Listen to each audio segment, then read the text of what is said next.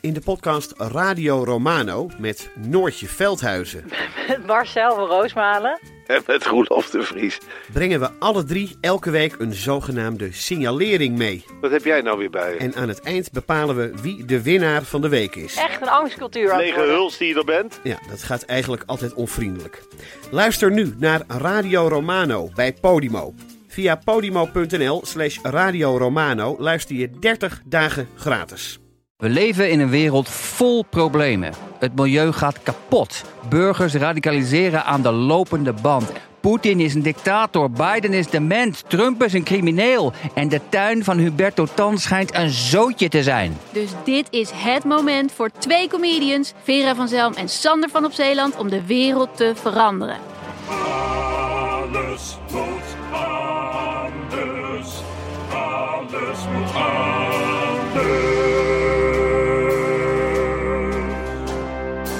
Ik zeg altijd, je hebt het altijd voor het uitkiezen. Ik kom binnen, ik zeg honderd grappige dingen. En ik, ik denk van, nou, staat hij al aan? En ik denk altijd, ik zet hem nog niet aan. Want Nee. dit, dit is vast, er komt vast nog meer. En dan één keer zeg ik niet iets leuks. En dan zet hij hem dan- aan.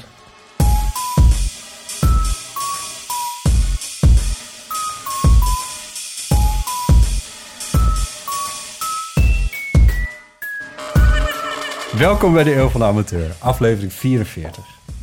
Eh, en deze keer met Driessen. Ja, bedankt. Wat is de tafel stoffig. Ik heb net, ik heb net wat boeken verplaatst. Dat waren, Oh. ja, dat waren jouw boeken. op het laatste moment doen. Want we zitten in jouw huis. Oh ja. Eh, en het waren honderden boeken Voordat mensen denken dat... over eh, wetenschap, filosofie, literatuur, Ja, precies. Voordat mensen denken dat het in mijn huis stoffig is. politiek. Ja, Waarom zijn die boeken stoffig? ja, dat niemand die aanraakt. Nee. En deze keer ook de gast, Nico Naus. Hallo. Hallo. Er is zoveel over jou gesproken al in deze podcast. Ja, Dat het wel echt heel leuk is dat je er ook een keer bent.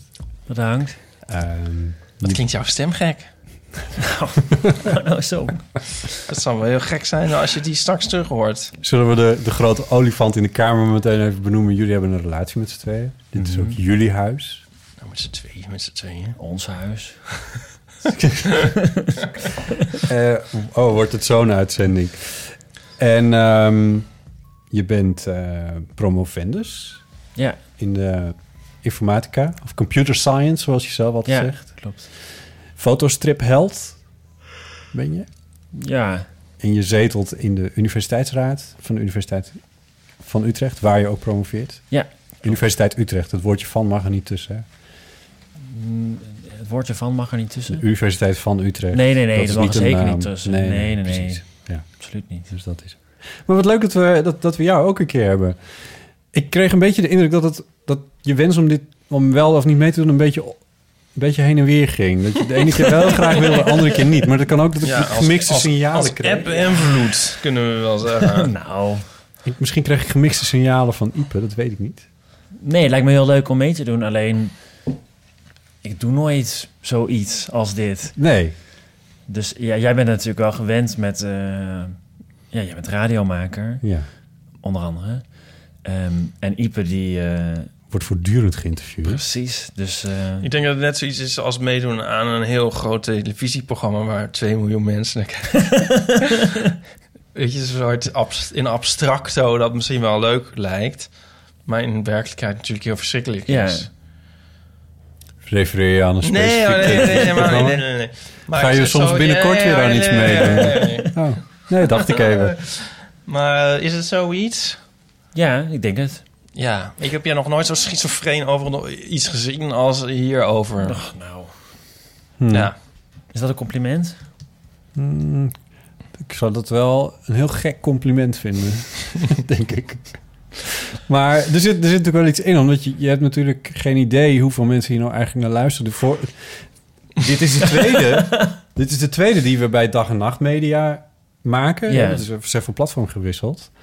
En die eerste die is nu twee weken geleden eh, hebben we die opgenomen met eh Iep en Paulien. Door het dak. Nou ja, lach er maar om. maar het is wel echt waar. Het is de... een rinkelend geluid in Ja, dat is misschien wel een goed idee, ja. Ja. We- Er is nog geen, eh, geen cent aan reclame op verkocht. Dat is dan wel weer jammer. Maar eh, hij, die is beter beluisterd dan alle die we hiervoor Hmm. hadden. En dat... ehm, ik ben het getal zelfs alweer kwijt, maar het ging... Wat, Zo'n astronomisch getal dat het ook bijna niet te onthouden is. Nee. En het nee. loopt ook maar op. dat- Ik had het even Maar dat is wel opvallend, want ik luister altijd via Soundcloud. Ja. En daar trof ik alleen maar een, een admin-boodschap aan... Ja. dat het hier niet meer te beluisteren is. Nou, het komt wel weer terug daarop. Oké. Want, kijk, Soundcloud, dat was zeg maar de plek waar ik alle audio naartoe uploadde. En vanaf daar, Ja. die, Soundcloud genereert een eh, RSS-code. En eh, die kan je aan iTunes geven en aan Stitcher en dan nou ja, al die andere apps die kijken daarnaar. En die Ja. kijken dus allemaal uiteindelijk naar Soundcloud. Dus daar, toen we, daar, toen we naar dag en nacht gingen, toen ging onze audio naar Art19. Dat is iets als... Maar is, Ik heb al in slaap ja, gevallen. Nee, nee, maar- Een soort déjà vu, want zoals vorige keer zijn we toch ook zo begonnen. Ja, ja, maar misschien was was dit ook een Ja. iets te uitgebreid antwoord op mijn vraag. Ja. ja. Maar ik moest ook denken aan die arme sponsor die die Soundcloud eh, betaalt voor jullie. Ja, dat is Ja, ja, dat dan- geld ja. voor die man. Ja, Hoe heet die ook alweer? Met die grappige dierennaam of zo? Nee, ja, ik bedoel, nee, dat ga ik nou niet nog een keer zeggen. ja, Peter. Peter met de Peter. grappige dieren. En nu zitten we bij Tim de Gier. Dat is zitten we in de- eh, maar ja, maar even voor de goede orde. eh, Peter, mocht je nog steeds luisteren. eh, Soundcloud bestaat nog steeds. En die blijft ook bestaan. Eh, en ik, ik weet niet precies hoe we het gaan doen. Maar eh, uiteindelijk is het de bedoeling dat alles wat dus nu op Art19 staat... dat Soundcloud ook gaat kijken naar Art19. En dan alle luisteraartjes die via Soundcloud luisteren... die krijgen dan alsnog alle nieuwste podcast van de de Amateur. Dus dat is de bedoeling. En dan kan jij weer gewoon via Soundcloud... Waarom luister je via Soundcloud eigenlijk? Geen idee. Toeval. Ja, je kan het op de computer doen. Ja. Dat kan met eh, eh, die podcast-app niet, volgens mij. Eh, nou, er zijn verschillende. Stitcher kan het wel. Oh, mensen. Maar dit, mensen zullen, ik bedoel, als iemand dit hoort, dan zullen, luisteren ze al. Dus dan hoeven wij niet meer uit te leggen hoe dat kan. Want Maar dan ik vind het interessant. Hoe luistert Nico podcast? Ik Hij dit is luister, straat gaan zeggen. luisteraar van het niet eerst- luisteren, dan wel dit zeggen nu in de Maar podcast. hij is luisteraar van het eerste uur. Dat is toch ook, als je nu de podcast luistert, is het toch heerlijk om te horen hoe andere mensen dat, dat ook doen. Ik ga er ook niet zo van... van eh, in het acht uur journaal gaan ze toch ook niet van... eh, en hier is eh, Hendrik de Vries uit. Eh ja, Hendrik, jij kijkt ook naar het NOS Journaal, geloof wij. Ja, klopt dat? Ja, dat klopt. Is dat op de tv of de computer? Nou, de tv. Oh, interessant. Nou, dat is van- natuurlijk interessant voor de andere kijkers van het NOS Journaal... die nu zitten te kijken. Dit hebben ze gedaan. Dit gaat weer... Oh, ik wou dat de luisteraars niet het- triomf, het was- triomf het in was- de blik van Botten konden zien. Het was, ja, het was niet het NOS-journaal en het was geen interview met. Maar met het oog op morgen, het radioprogramma van de NOS... wat, Ja. wat ook een soort NOS-radiojournaal is, ehm, in a way... Daar riepen ze op om, eh, om eh, op eh, foto's te uploaden naar hun Facebookpagina. Hoe luister jij op dit moment naar Met het oog op morgen? Dus luisteraars van de Eeuw van de Amateur kunnen een foto Oh, nou, uploaden ja. naar onze Facebookpagina. Ja. Hoe luister jij op dit? Maak nu een foto, nu. Maar kunnen ze dan niet beter een, een boodschap inspreken? Want wij kunnen die foto's dan niet laten zien. Maar dat was vorige, dat Wat was een, vorige eh, keer. wat een Die mooie- vrouw die belde van... eh, ik luister Ja. altijd in bed. Oh ja. Ja. Oh, ja. Maar dat mag vind ik wat anders ook. dan dat ze zegt van... ik luister via Art19 en Stitcher. Ga je het bruggetje nou afmaken of niet? Want ik vind hem wel heel mooi. Oh, naar de voicemails. ja. Ja, maar is dat al zover? Of moeten we eerst Nou, een wat loskomen? Nee, we gaan, we gaan, t- nee, we hebben, we hebben heel veel... Ja, ja, nou dan geef je hem al weg natuurlijk. Oh, sorry. Maar noem het nummer maar even, want dat kan natuurlijk ook. Dus je mag, Oh, ja, je mag natuurlijk, kiezen of je maakt een foto van hoe je nu naar de Eeuw van Amateur luistert. Ja, ja, precies. Zonder kleren. Kan, hè? Toch? Kan. Als dat Nou, zo is. Nou, ja. zou toch kunnen dat mensen zonder kleren luisteren? Of je belt nu naar 06 1990 68 71. 1990, het jaar dat Behavior uitkwam. Het beste album aller tijden. Het vierde album van de Pet Shop Boys. 68, het jaar van de Franse studentenopstand. En 71, Nico's geboortejaar. Je krijgt een déjà vu. Ehm, oh, daar kan je dus naar bellen en dan kan je ons vertellen hoe je naar ons luistert. Of iets heel anders. Of iets heel anders.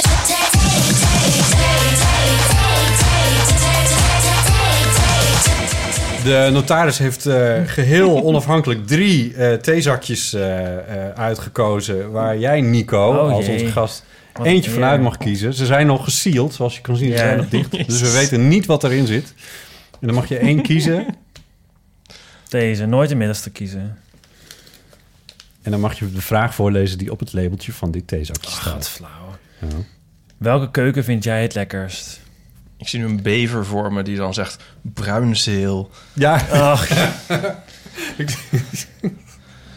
ik vind het een beetje een flauwe vraag. Ja, maar ik vind de vragen wel vaker, wel vaker flauw. Ik dacht dat we Oh dat ja, niet maar deden. soms- Met name die vraag op face value aan, toch? Ja, nee, dat Ja, is ook dat waar. is dus we moeten er nu ook gewoon serieus op antwoord eh op geven. Nou, dan mag jij, Ipe, dan mag jij als eerste antwoord geven. Welke keu- Wat stond er nou precies? welke keuken vind jij het lekkerst?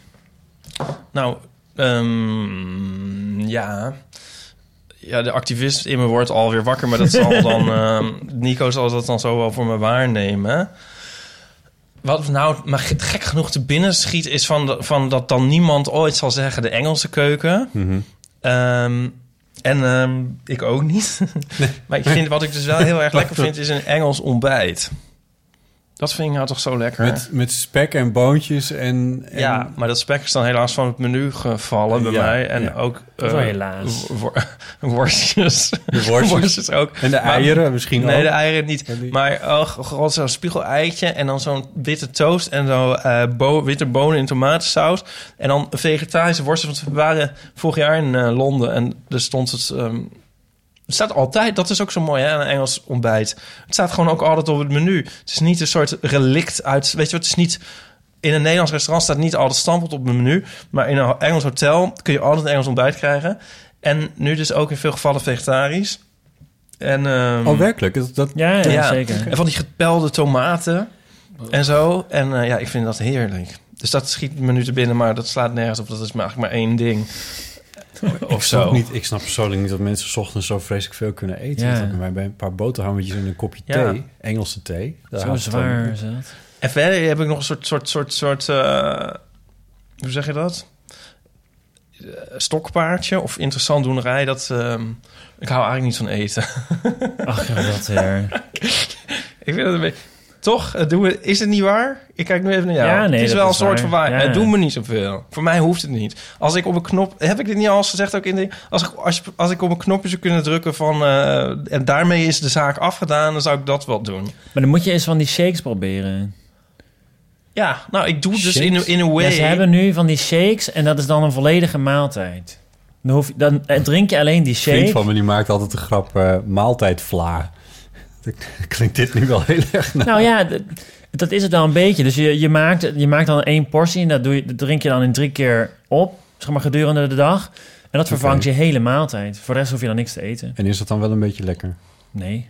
Nee. Maar dat, kijk, ja, daar gaan Nee, we maar, niet ja, maar, om. nee, maar, maar, dan, maar dat is dan misschien... Dat staat me dan ook weer een beetje tegen. En dat is weer het andere uiterste. Ja, maar dat is toch wel een beetje die knop waar je het over Maar, hebt. Ja. maar, hebben we, maar waar hebben we het nou precies over? Want heb je het nou over de, over de, de handeling van het eh, voedsel tot je nemen? Gewoon zeg maar de biologische handeling? Of heb je het over het, het, de sociale handeling? Nou, ja. Nou, ik vind eten dus heel veel tijd kosten ook. En met mensen eten is op zich nog wel leuk... maar ik vind dat ook vaak dan afleiden van het gesprek. Of zo. Dus dat is ook onhandig, weet je wel. Als iemand komt te eten, dan ben ik helemaal onthand. Ik spreek veel liever om, om negen uur af of zo na het eten. Ja. En ik vind het iets, ja, het is misschien heel stom, maar ik vind het dus iets dommigs hebben om heel erg met eten bezig te zijn.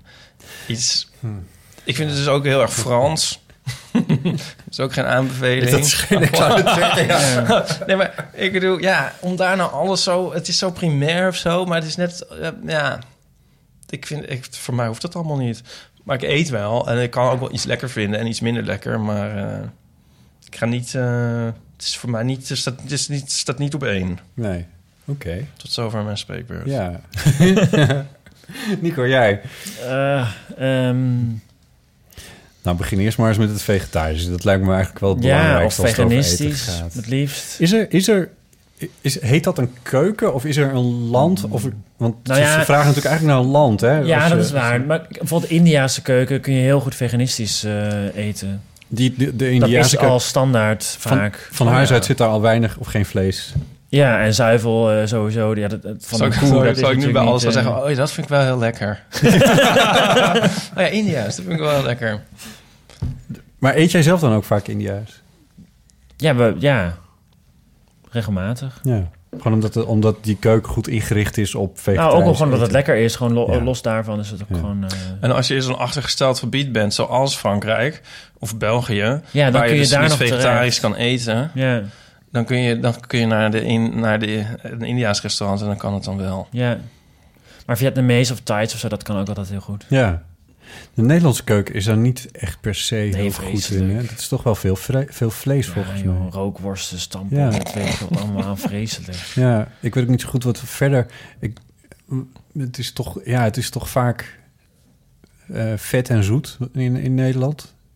En, en vet, dat komt dan toch inderdaad vaak gewoon uit vlees, inderdaad. Ja, Spruitjes, Ja, moet ik aan denken. Ja, ja dat, die zijn redelijk vegetarisch Ja, op zich. andijvie vind ik wel Maar lekker. Is dat ook Nederlands? Komt nooit in zijn eentje. Ja, ja volgens mij is dat wel redelijk... Nou, dat weet ik eigenlijk niet. Maar, ik denk, Zoet heb ik helemaal nooit begrepen wat mensen daar aan vinden.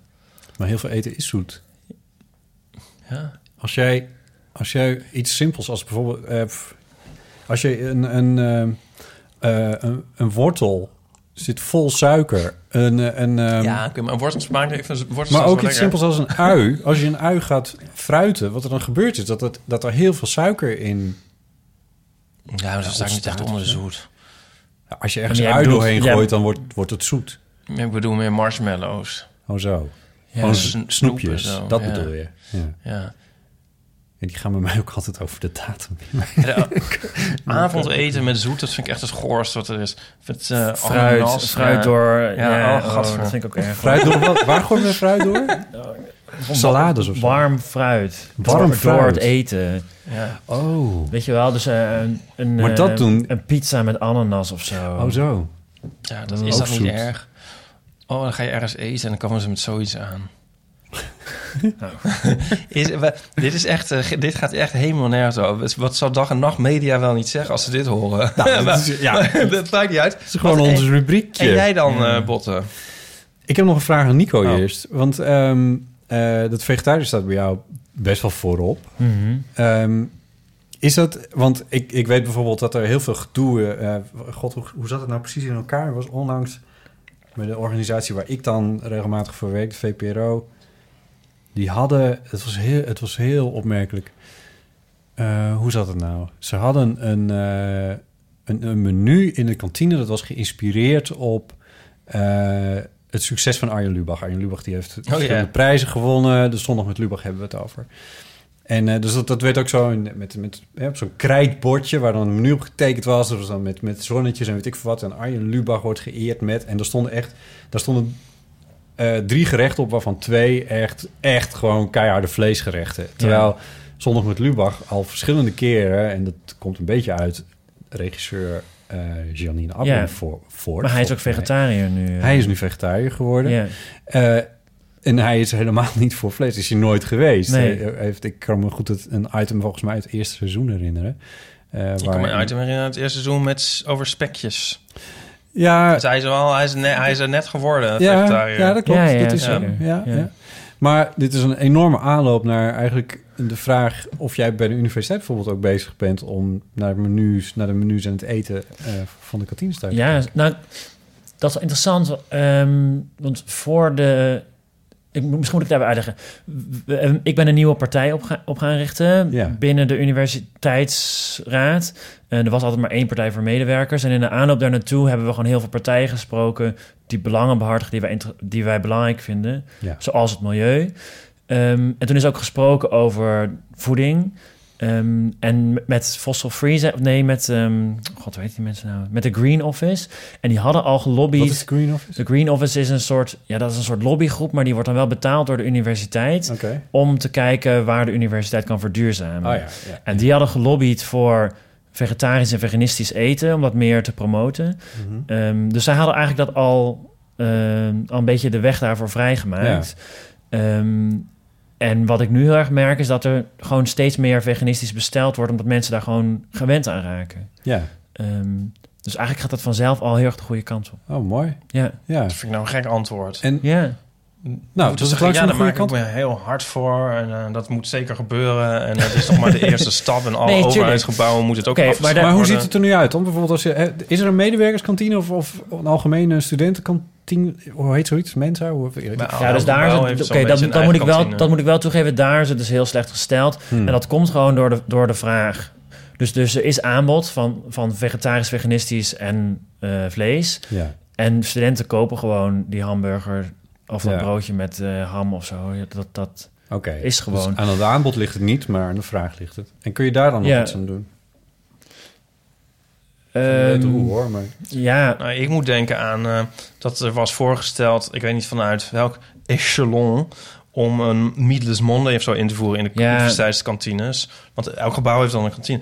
En dat er dan meteen studenten verkleed als rookworst of zo, Ja, of nee, knakworst, gaan protesteren van Ja. oh, oh, ons vlees en eh, daar moeten ze van afblijven. Oh, we willen Ja. vlees. ja. En die hoor je, heb ik het idee, meer dan mensen die eh Ja, kijk, pleiten dat- voor afschaffing. Precies, maar van dat het komt een beetje doordat, eh doordat men, door, doordat er is een soort nieuwe manier van, van actie voeren. Maar ik bedoel, vroeger had je heel erg natuurlijk die, die activisten en whatever, die dan heel erg in your face actie gingen voeren.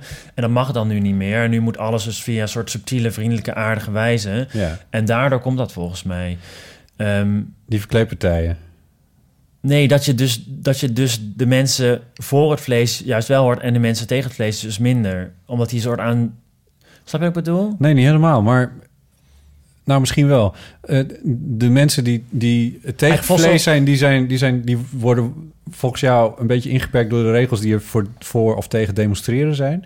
Nee, nee, nee, nee. Dus eh, als je iemand als de Green Office hebt... Ja. die, die willen juist sympathiek gevonden worden. Ja. Dus die gaan niet bij de kantine staan van... eet geen vlees, eet geen vlees. Niet activistisch dus. Nee. Die, doen het, die, die zijn er heel huiverig voor. Die, Ja. willen, die willen graag tof en, en hip gevonden worden. Ja. En die willen, niet, eh, ja, die willen niet dat stigma hebben. Begrijp je een beetje wat ik bedoel? Ja, ik begrijp wat je bedoelt. En je zegt van de, de, de, de, de tegenpartij, zo gezegd, dus de, de, de vleeseters, zo gezegd, die hoeven zich daar niks van aan te trekken. En die kunnen wel activistische manier. Ja, dat vindt iedereen prima. Ja. Maar, oké. En heb je hier nog een mening over? Want ik voel me een beetje, maar ik ga hem je niet in je mond leggen.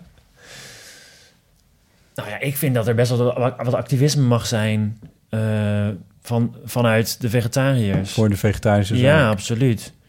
Ja.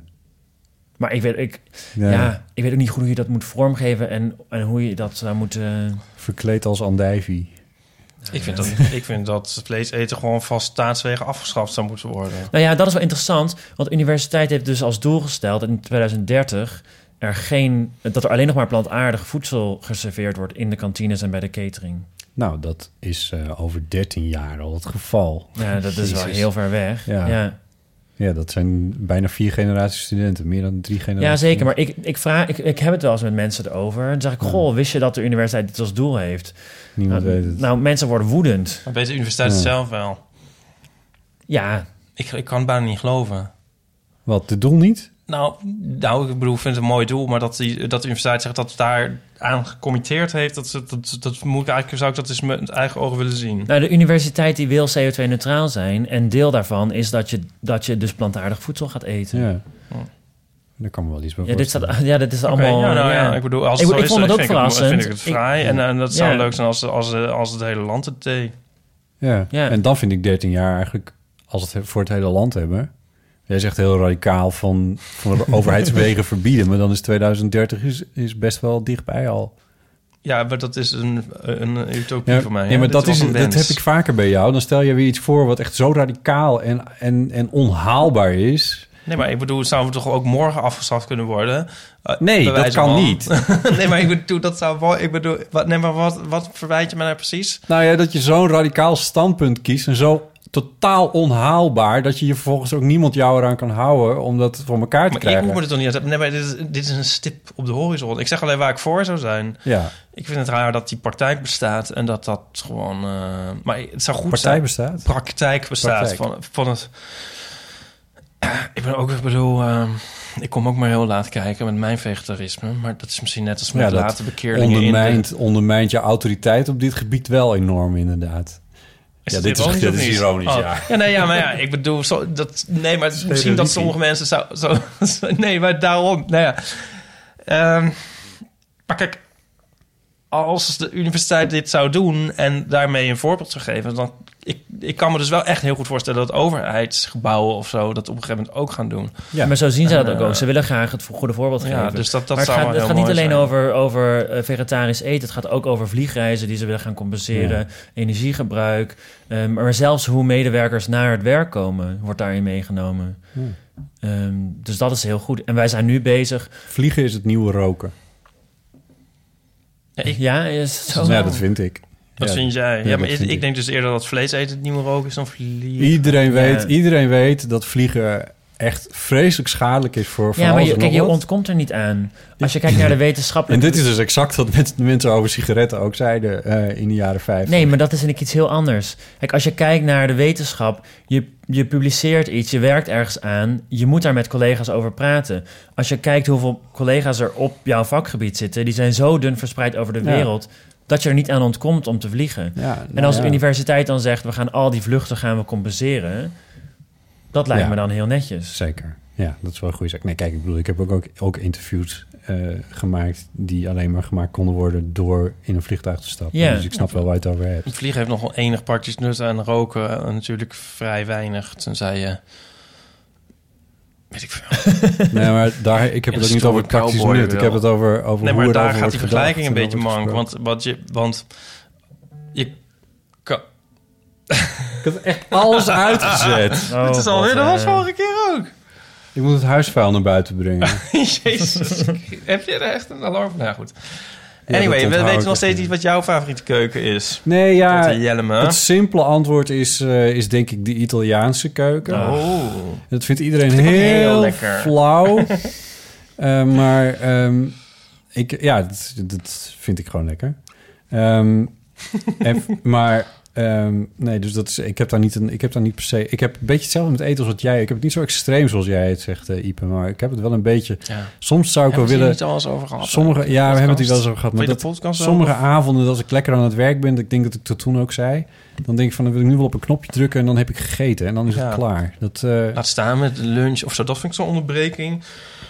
S- ochtends en 's avonds dan is het maar eh, vooral midden op de dag. Dan moet je ook weer eens alles uit de handen laten Ja. vallen. Om weer Nou ja, maar je kunt ook gewoon doorwerken. Maar ik heb je wel eens- te schuiven. Ook nog wel, jawel, dat doe ik dus ook. Ik, ik hou dat Ik- heel vaak. Ik lunch altijd aan mijn bureau. Ja. Gewoon doorwerken. Ik maak daar niet een ding van. Nee. maar waar ik, ik heb nog wel We eens hebben het door- al over gehad. Met de Gerard Ja, maar Reven, die zit ook met die oude krant. Achter een Jutse gordijn. En, Nee, ik wil hier nog iets aan Oh, toevoegen. sorry. omdat ik ook wel eens zo verder over heb nagedacht. Van stel dat we allemaal astronauten eten zouden. Ja. Dat, dat is in principe hou je het al lang op, op vol. Ja, maar dat schijnt dus ook niet meer te zijn. Oké. Maar dan- maar goed, dat even dat dan als, als, als, eh, eh, zeg maar als, als eh, fictief gegeven astronautvoedsel. Wat, wat zou het allemaal wel niet schelen aan, aan logistiek Oh, ja. over de hele wereld en aan ja. Ja, maar serieus. Ja. Wist jij, ik sprak met een, een Albert Heijnman. Heb jij ooit een... Een, Albert Heijn. een Albert, ja, ik kan hier niet veel over uitweiden. Nee, dit is interessant hoor. Heb jij, morgen heb jij, bij- heb Morgen jij, zit hij bij Paul alles te ontkennen. heb jij ooit een Albert Heijn vrachtwagen gezien? Van binnen, of wat bedoel je? Nee, gewoon op straat. Ja, eh, Nee, die rijden er niet. Die rijden er niet. Nee, dat klopt. Oh, gelukkig. Wat ik, ik zei al... Nee? Nee, die rijden er Nee, die Oh rijden nee, er ik ben, beter, ik ben er waar met Albert.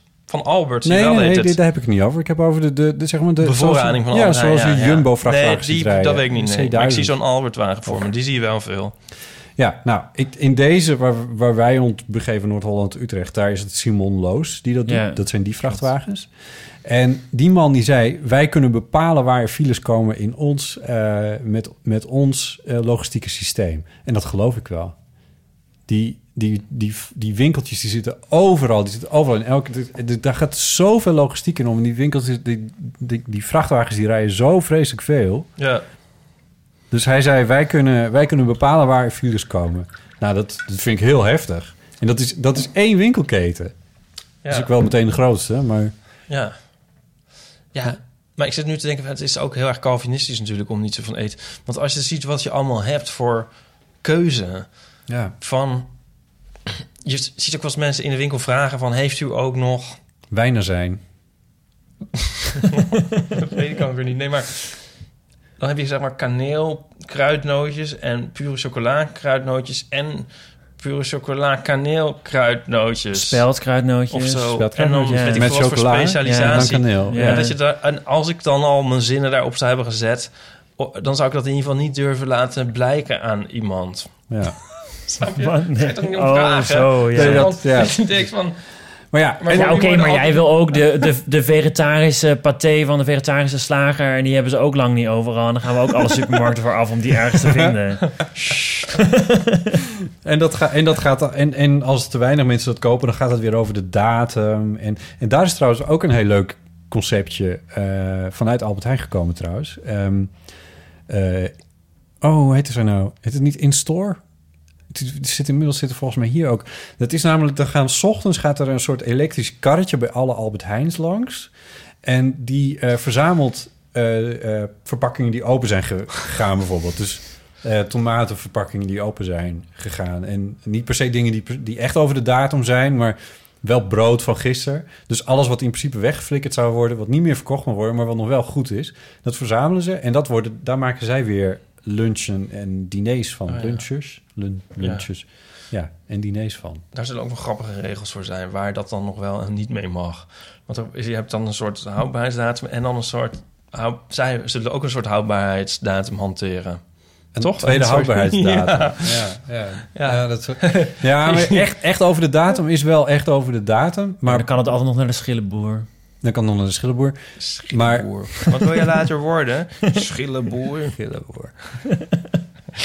nou, nou, zijn we, ja. nou, leuk. Dus dat is, eh, dat is de vraag. Ik vind het ook goed trouwens, Nico, wil ik even zeggen. Je hebt heel voorzichtig het labeltje eruit gehaald en het theezakje laten zitten.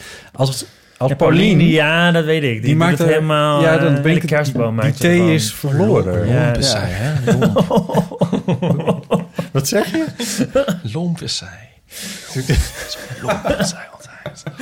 Ze heeft toch geen tijd om deze te luisteren, want ze zit midden in de première week. Zal je net zien. hey, wat zullen we doen? De post? Of de krant van drie maanden geleden? En ik heb ook nog allemaal eeuwofoon berichtjes. Fuck. Uh, doe eens een, eens een eeuwofoon berichtje? Ja, leuk. Het 06 1990 68 71. Oh, we kunnen dat wel een beetje spreiden, bedoel je? Want ik heb er vijf. Ja. Of eigenlijk vier. Maar, Ja. oh, dat is misschien wel een leuke, ja. Kom maar op. Oké.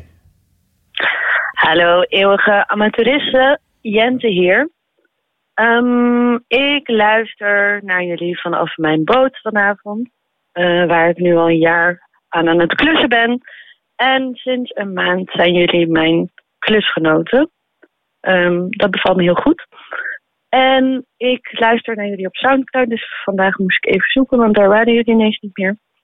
Maar ehm, ja, wat ik daarover wil zeggen is dat op Soundcloud spelen ze de speellijst achterstevoren terug. Dus ik heb jullie programma achterstevoren geluisterd. Wat heel leuk is, want dan, ehm, nou ja, zoals jullie zelf misschien ook wel weten, verwijzen jullie constant terug naar eerdere gesprekken. Eh, waardoor ik eigenlijk in de toekomst kon kijken eh, wanneer ik eenmaal bij die gesprekken was. Ehm, ja. Ach ja, ik weet eigenlijk ook niet zo goed wat mijn punt is. Maar ja, ik wilde toch heel graag even zeggen dat ik het leuk vond. Au revoir, have fun, veel plezier, maak er wat moois van. Doei doei, Jente. Nou, ze begon zo goed met het au revoir, maar het eindigde toch in een doei doei. Ja, het achterstevoren luisteren. Dus misschien moeten we wat meer, meer verwijzen naar eh, uitzendingen in de toekomst. Ja. dat is. Is wel. Met de derde Ik hoorde trouwens van meer mensen die, die, die niet weten waar ze moeten beginnen... en dan maar bij de, bij de, bij de nieuwste uitzending Nou, beginnen. dat, is, maar dat zou ik ook doen. Ja. Ja. De nieuws is altijd het leukste. Langs, nu kunnen we er eindelijk wat van. Nou ja, weet ik veel. Nee, maar toch, de, de, Ja, moet nee. je niet aan denken om die oude troep te luisteren. Nou, soms is het wel leuk, maar dat is meer uit een soort... Ach ja. Ik lees ook dus graag biografieën. En dan begin ik ook altijd achterin. Hè? Ja, Ja. wil ik altijd eerst iemands dood, vind ik altijd leuk. en eh, zo het sterfbed, I don't know. Ligt een beetje aan hoe iemand... Nee, maar en dan... Weet Je je, hebt, wel, je hebt Hillary ook gelezen. Heb je die ook? Want, ja, nou, dat Ja, is dat niet is echt echt een een biografie. Nee, dat is ook waar, ja. Maar het begint ook met... Heel vaak zijn die biografieën soort elliptisch verteld. Dan begint het ook met zo van... eh, op zijn sterfbed keek hij nog eens terug. En weet je wel, om je in het verhaal te krijgen. Want het is niet leuk zo van... eh, ja, eh, op tweejarige leeftijd verhuisden ze naar, weet ik veel. En dan denk je, ja, nou, kan mij dat schelen, die peuter. Ja. Dus, en dan, maar dan is er zo'n soort proloog oh, met het einde. En dan wil je daar eigenlijk wel meer van weten. En dan ga je zo naar achter. En dan denk je van, oh, dat is maar goed. Maar hoe, maar hoe kwam die dan zo ziek, weet ik veel. Oh, en ja. dan ga je zo terug en dan lees je zo langzamerhand naar voren. Het is wel een idee voor, voor jouw biograaf... om vooral achterstevoren te gaan schrijven. Ja, het is een beetje Benjamin Button. En het is ook dan uiteindelijk, in, als je dus meer van iemand weet, is het in dat licht ook veel interessanter om dan nog iets te lezen over zijn jeugd waar, of haar jeugd. Dan, weet je wel. Ja. Dus dat is eigenlijk heel logisch. Dus Ja. waarom zijn die boeken maar goed? Weet je waar, welke associatie ik ook nog had bij eh, dit bericht van Jente toen ik het hoorde? Dus jij hebt een keer een hele mooie fotostrip gemaakt over eh, jouw ouders en hun brood. Ja. Kun je die vertellen? Oh, huh? Maar ik, heb, ik zat er misschien doorheen te praten. Altijd- Ging dat hierover? Nee, nee, over die Albert Over het Heijn net. nieuwste. Oh, oh ja, oh. Ik, ja, dat is de link. Ik zat toch met die Albert Heijn in mijn hoofd. Ja, god, het knoopt allemaal in elkaar. Ja, Ja, van ja. dingen weggooien. Het thema nee, is dus mijn ouders die eten altijd, die kopen dan brood, maar dan is er nog oud brood over. En dan zeggen ze van, ja, en eerst het oude brood en dan kunnen we daarna het nieuwe brood. En dan, zeg maar, hebben ze een half broodje en dan is er nog een half, ah, half, half oud brood over. En dat eet je, nee, dit gaat niet goed. in ieder geval, je eet dan zo, zeg maar, allemaal oud Tegen, brood. tegen de tijd dat het oude brood op is, is het nieuwe brood ook alweer oud geworden. En zo eten ze dus hun hele leven lang. Oud brood. Oud brood. En als ze één keer in hun leven dat oude brood hadden weggegooid, hadden ze hun hele leven gewoon vers brood kunnen eten. Ja. Ja. Ja, ik vind het heel erg leuk. Zullen we nog eentje luisteren? Ja. ja. Ah, Botte en vrienden. En Martijn Rosdorf hier. Ehm, ja, ik las op Twitter dat er iemand is die wil dat ik weer een update geef over die zwerver die onder een boot woont eh, op het strand van Brighton in Engeland. En volgens mij was er ook nog iets wat jij daar wel aan toevoegde. En ik weet, ik, maar eerst als dat serieus is, ik, dat zou ik een hele eer vinden. Maar ik heb natuurlijk geen idee of het serieus is. En ook waar het dan nog meer moet over gaan, want over die zwerver onder die boot ben ik natuurlijk binnen één minuut uitgepraat. Want die zal wel dood zijn om het maar even vast te spoilen. Ehm, ehm, eh, misschien moeten we het over de brexit hebben, of de toestand van de radio, of het Verenigd Koninkrijk in het algemeen. Of eh, radio in het eh, Verenigd Koninkrijk in het bijzonder. Anyway, nogmaals, zou ik een eer vinden. Maar ik heb geen idee hoe en wat en hoe je dat allemaal voor je ziet. Laat maar weten, je hebt mijn nummer, toch? Oké, doei! Ja, ik heb je nummer, Martijn. Eh, jij weet nog waar het over gaat. Weet jij Ik wat het over gaat, Nico? idee, nee. In, de, in de allereerste reeks, en ik denk dat het een aflevering of twaalf is geweest of zo. Toen was ik nog een soort van radiootje aan het maken en dan had Martijn een rubriekje. Martijn is een oud collega van mij van bij de AVRO en die woont nu in Groot-Brittannië, in Brighton om precies te zijn, met zijn geliefde. En die maakte toen eh, stukjes audio. Die had speciaal een recordertje voor gekocht om dat te kunnen doen. En dat is toen, ik weet niet precies meer waarom, maar dat is toen opgehouden. En iemand begon er nu weer over. Wanneer komt Martijn Het is weer echt zo, is net zo iemand die dan in de Beatles zat en dan eh, dacht van, nou, ik ga eruit. En dan net voordat... En nu het succesvol is, is dat wat je bedoelt? Maar nee, eh, dan, dan gingen de Beatles, weet je wel. Ja. Maar dat... Maar, eh, Ik dacht misschien is het wel leuk om hem een keer als gast te hebben. ja? Ja, want een rubriekje past nu niet echt meer in, in ons huidige format. Over een zwerver in Brighton. Ja, we dat hebben zo'n je- zo'n strak format waar zoveel denkwerk in zit eigenlijk. Dat zit zo als een Zwitsers zakhorloge. Steekt dat in elkaar. Dat je kan je daar niet zomaar aan wat knoppen draaien. Nee. Martijn? Martijn. gaat- dat gaat niet. Maar we hebben je nummer, toch? dat nummer toch. Dus eh, nee, natuurlijk. Laat hem eens eh, langskomen. Dit waren twee voicemailberichten. Dan komt er nu een hele lange, maar laten we die... Nog langer? Ja, die is echt heel lang. Maar is het dan wel de moeite? Ja, dat Van wie is die dan? Nou, is van Diederik. Maar Hmm. Oh. die kunnen we ook straks doen. We kunnen ook eerst eventjes, eh, kunnen ook eerst even wat post doen. Dan hebben we dat ook maar. Doe maar even wat post. Ja. Het is wel een soort corvée dit ook, hè? We hebben een mail van Geeske. Oh, de bingo kaart. ik ben weer de bingo kaart vergeten. Oh, bingo kaart. Volgende keer moet ik echt de bingo kaart. Eh, ze heeft weer geluisterd. En eh, de foto van 1 tegen 12, nee, 1 tegen 100 is het zelfs. Ja. Eh, die liet nog even op zich wachten, zei ze. Want alle apparatuur is niet aangesloten. Ze is net verhuisd naar Leeuwarden. Jezus. Ja, dus Ja. er zijn belangrijkere dingen die eerst moeten gebeuren, zei schrijft ze. Ik hoop dat de centrale verwarming het wel doet. Ehm, ja, nou. ehm, eh, ze vond het wel grappig dat Ipe niet echt een antwoord gaf op haar vraag over zijn vrije relatie. Vrije relatie noemt zij het. Eh, want zijn moeder mocht eens meeluisteren. Maar als het mij al opgevallen was, dan weet zijn moeder heus wel hoe de vlag erbij hangt. Moeder, moeders weten vaak meer dan hun kinderen vermoeden. Daar zijn we moeders voor. Je wilt als ouder altijd dat het goed gaat met je kind en dan maakt het niet uit hoe oud ze zijn. Ik heb daar wel iets grappigs over. Wij wisten vroeger alle dingen van mijn zus door mijn moeder. Want dan ging mijn moeder bij ons informeren. Ah. Eh, ja, het zit, ja, eigenlijk één voorbeeld heb ik maar. Toen ging mijn moeder aan... aan ik heb dus een tweelingzus en een oudere zus. En uh, Annieke is mijn tweelingzus, maar alleen mijn oudere zus. En dan ging mijn moeder vragen aan Annieke mij... eh, ja, ehm, weten jullie iets van... eh, heeft Madeleine nou een... eh, eh, vriendje of hoe, hoe zit dat precies of zo kwam ze dan een beetje en wij wisten dan helemaal wel niks maar omdat mijn moeder dus dat vermoeden had dat ze heel goed aanvoelde Ja. wist, door haar vragen aan ons wisten wij dan Ah. dat Snap je? Aan het informeren. ja Ja. informeren maar in de ene betekenis van het woord maar dan, dan deed ze dat in de tweede betekenis van het woord of bedoel je dat al Ja, ik bedoel het heel dubbel. Ik Ja. heb geen idee waar je het over hebt. Oh. Nee. Ja, volgens mij had ik heel duidelijk antwoord gegeven. En Paulien, eigenlijk, eh, ik zat misschien... Naar mijn gevoel gaf ik heel duidelijk antwoord. En toen gaf Paulien nog duidelijker antwoord namens mij. En als Geesik het nog, nog niet weet, dan, eh, nou, dan bel ze maar weer de volgende keer. Vond jij nog iets van het antwoord wat hij daar op die vraag heeft gegeven? Nico? Nee hoor. Zover is hij toch helemaal niet gekomen in die podcast, joh. Dus was na twee uur en was het nog ergens. Dat is wel heel ver. inderdaad, ja. Nog meer post. Er is nog meer post. Ehm Harro van de Klauw die schrijft... eh, je kan wel raten in de podcast-app Addict. Comment, feedback plaatsen kan niet. Geen idee waar die rating naartoe gaat. En Ipe moet ook aan de Pipi Langkous quote... Ik heb het nog nooit gedaan, dus ik denk dat ik het wel kan. Ik weet eerlijk gezegd niet waar dat precies op slaat. Is dat een Pipi Langkous quote? Ja, volgens mij. Volgens mij wel, ja. Grappig. Daar ben jij te jong voor. Ah ja. Ja. Nee, dit doet mij denken aan het Victoriaanse en Pruisische rechtssysteem.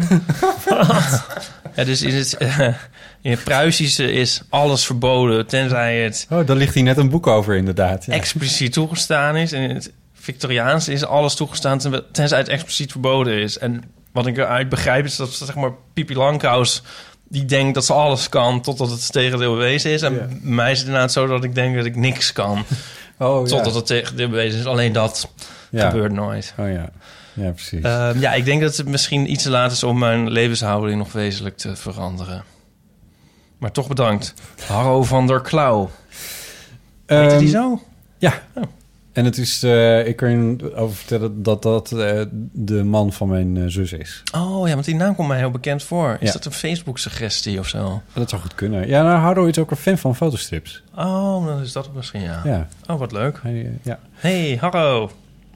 Ehm, dan heeft Bas nog gemaild. Net als Botten vroeg ik me af waarom waterkokers zo'n ongelofelijke teringherrie maken. Of, eh, sorry, de tering staat er niet. Waarom ze zo'n ongelofelijke herrie maken.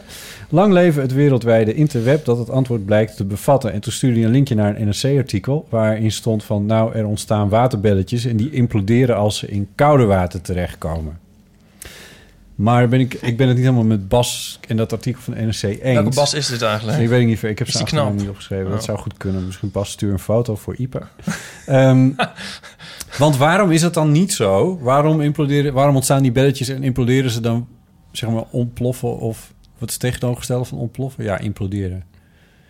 Ehm, waarom gebeurt het dan niet als je water in een pan op gas warm maakt? Komt het niet gewoon door het temperatuursverschil? Dat het Ja, maar dat heel is- snel gaat in de waterkoker. Gaat het in een waterkoker dan sneller in dan... Dat denk ik, ja. Heb je ooit een pannetje met water op het vuur? Dat duurt er wel langer. Ja, maar dat is vaak ook meer water, misschien. Je hebt nou ook van die kraan hè, waar dan kokend water uitkomt al. Ja. En dan eh, had je nu ook weer een kraan en daar Ja! kwam dan spa rood uit. Ja, fantastisch. Ja. Maar hoe dan?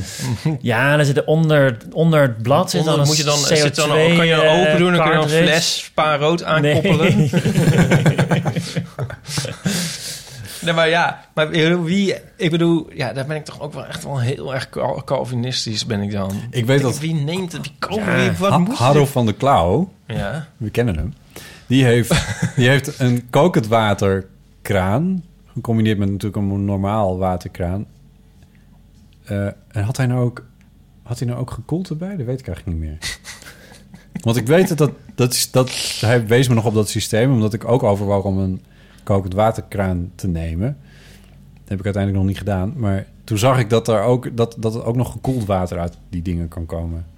Ja. Maar dat nu met koolzuur, dat is Ja, maar wel dat is nog eh, belachelijker, omdat je dan ook die cartridges moet hebben. En als die fabrikant zegt, nou ja, niemand heeft die kraan gekocht ooit, we stoppen met die cartridges te Ja, dan maken, dan heb je ook niks meer aan je kraan. Nee, nee. Plus dat je aan die cartridges kan je natuurlijk heel veel geld verdienen. Net als Tuurlijk. printer cartridges, die ook altijd zo extreem duur Oh, ik heb de klok nog horen luiden, maar weet eigenlijk niet eens of er wel een claim was. Of heb ik dit ook al gezegd? Dat las ik nou in Time over een boek, een recensie van een boek van tien ideeën die de economie, zeg maar de wereld veranderd hebben. Ja. Maar waar niemand bij stilstaat dat dat zo is. Ja. En dan was er dus eentje scheerme, dus, nee, ja, scheermesjes... Mhm. waarbij je het houdertje hout in een mesje wegdoet. Mhm. Want? Want dat was het eerste dat volgens zo'n model dus in de markt is gezet... waarbij je... Dus nu heb je zeg maar printers met cartridges. Ja, en eh, Ja. ehm, ja, wat heb je eigenlijk allemaal? Ja, nou, je hebt- Noem maar op, noem wat maar ik op. net al zei. die scheermesjes. En dan heb je dus printers. En dan gaan ze enzovoort, enzovoort. Te veel om op te noemen. Hè. Dus die scheermesjes bijvoorbeeld en die cartridges met die printers. Ja. Maar, dus dat was een soort economie, verdienmodel... Dat de, dat de economie dan een soort heel erg heeft beïnvloed. Maar dan kan je inderdaad heel erg bedrogen uitkomen... als je dus een soort early adopter bent. Een adopter... En Ja. dan, ehm, en dan ehm, zit je ermee met de troep als we stoppen met Ja. fabrikage. Ik had het met een printertje van Canon dat niet meer ondersteund wordt. Ja, ja. En dan, en dat- maar daar kun je geen cartridges meer voor krijgen. Nee, maar dat was een iets heel Oh, anders. dat het is heeft er niks mee te ook. maken. Dat was een Ja, onderdeel. Maar dat klopt niet. Nee, Nee. Maar- nee precies. Het, het mislukt ook wel vaak. Want je hebt Sony die had dus een tijd zijn eigen geheugenkaarten. Wat dan alleen maar werkte op Sony-apparatuur. Ja. Maar dat, ja, op een gegeven moment gaat dat gewoon niet meer. Nee. Je moet toch gewoon compatible zijn met anderen Ja, in de markt. Een andere was prikkeldraad. Omdat er daarmee ja eh, klopt, ja. konden, konden eh, terreinen worden afgezet, zeg maar. Kon, kon grondbezit worden gemarkeerd. Hoefde je niet een soort, een soort heel leger te onderhouden om je Ja. landje te beschermen. Ja. Ja, ik ben inderdaad wel nieuwsgierig naar die andere negen, nu nog acht. Ja, dat weet Kun je dat dus de volgende niet. keer even... Nee, want het- ik had dus eigenlijk alleen maar baseer ik me op een recensie die deze twee dingen aanhaalde. Ja, nou, dat zoek je dan maar eens even een keertje voor ons Ik heb uit. nog wat meer te doen. Zie je die stapel boeken lezen? Ik moet nog de, ik moet nog de Azteken kunstschatten uit het oude Mexico moet ik nog lezen. Ja. En, en- From Bacteria to Bach and Back. ja, de nieuwe Dennis. En ik moet nog 2023 van de Justified Ancients of Moo lezen. Nieuwe, nieuwe Edward van der Vendel ligt er nog tussen. Ja, Heinz 8. ja, we hebben wel allebei What Happened van Hillary Clinton gelezen.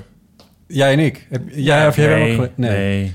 Nee, moeten we het daar ook over hebben? Ehm, ik ben er nog niet helemaal doorheen. Oh, Ja, dus ik zou het... Ik, als we het erover gaan hebben, dan kan het. Maar ja. ik, nou kijk, ik heb hem, dit is het eerste boek wat ik op mijn eh, e-reader lees. Wat me trouwens buitengewoon goed bevalt. Nog met dank aan jullie voor de tip voor het typen.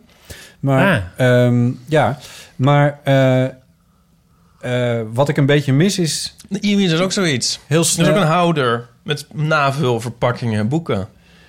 Ja, maar dat is universeel. Ja, maar bij wijze van. Ja, maar Ja, straks dan brengen ze niet meer e-books in het format uit. Nee, maar dat en dan is... zit je met ja, maar, je e-reader. Dat Ja. kan toch? Nee, dat kan van- niet. Nee, het is een gewoon een open van- standaard. een hou- nee, ach wel, nee. Dit is gewoon een open standaard. Nou, misschien zeggen ze wel... Nou, we bouwen- vanaf nu doen we alleen nog papieren boeken. En dan heb je een, eh, je e-reader en dan komt er niks meer bij. Dat kan... het idee is hetzelfde. Je hebt een houder met navulverpakkingen. Nee, ik denk dat dit toch wel een iets ander idee is. Nou, oké, oké. Ja. Het is een drager. Zal ik mijn punt nog Ja. maken? Doe maar. Namelijk dat eh, ik, ik zit volgens mij op, op 70% want dat Ja. is zeg maar wat hij aangeeft. Ik geef ook wel paginanummers, maar Ja. je, ja, je, je voelt niet meer hoe dik zo'n boek is natuurlijk. wat ja, ook fijn precies. is. Ja. Maar ik weet niet waar het notenapparaat begint en hoe groot dat is. Nee. Oftewel, als bij zeg maar 78% Ja, dan heb het notenapparaat al uit. begint, dan heb ik het nu bijna uit. Maar eigenlijk Ja. weet ik dus niet hoe ver ik ben. Nee. Dat is grappig, want ehm, Douglas Hofstadter... die heeft daar ooit over geschreven dat... dat over de, dat was nog voor de e-reader... over de, zeg maar, een boek lezen, tactiele ervaring... en dat bijvoorbeeld bij een eh, detective of thriller... Ja. je het eigenlijk een soort jammer is... en bij films eigenlijk ook evenzeer... dat je weet ongeveer Ja. waar in de spanningsboog je zit... Ja. en dat het bijvoorbeeld heel cool zou zijn als je een detective had met nog 300 pagina's gibberish na de ontknoping, zodat je een soort verrast wordt door de ontknoping. Beetje Lord of the Rings, zullen we maar zeggen.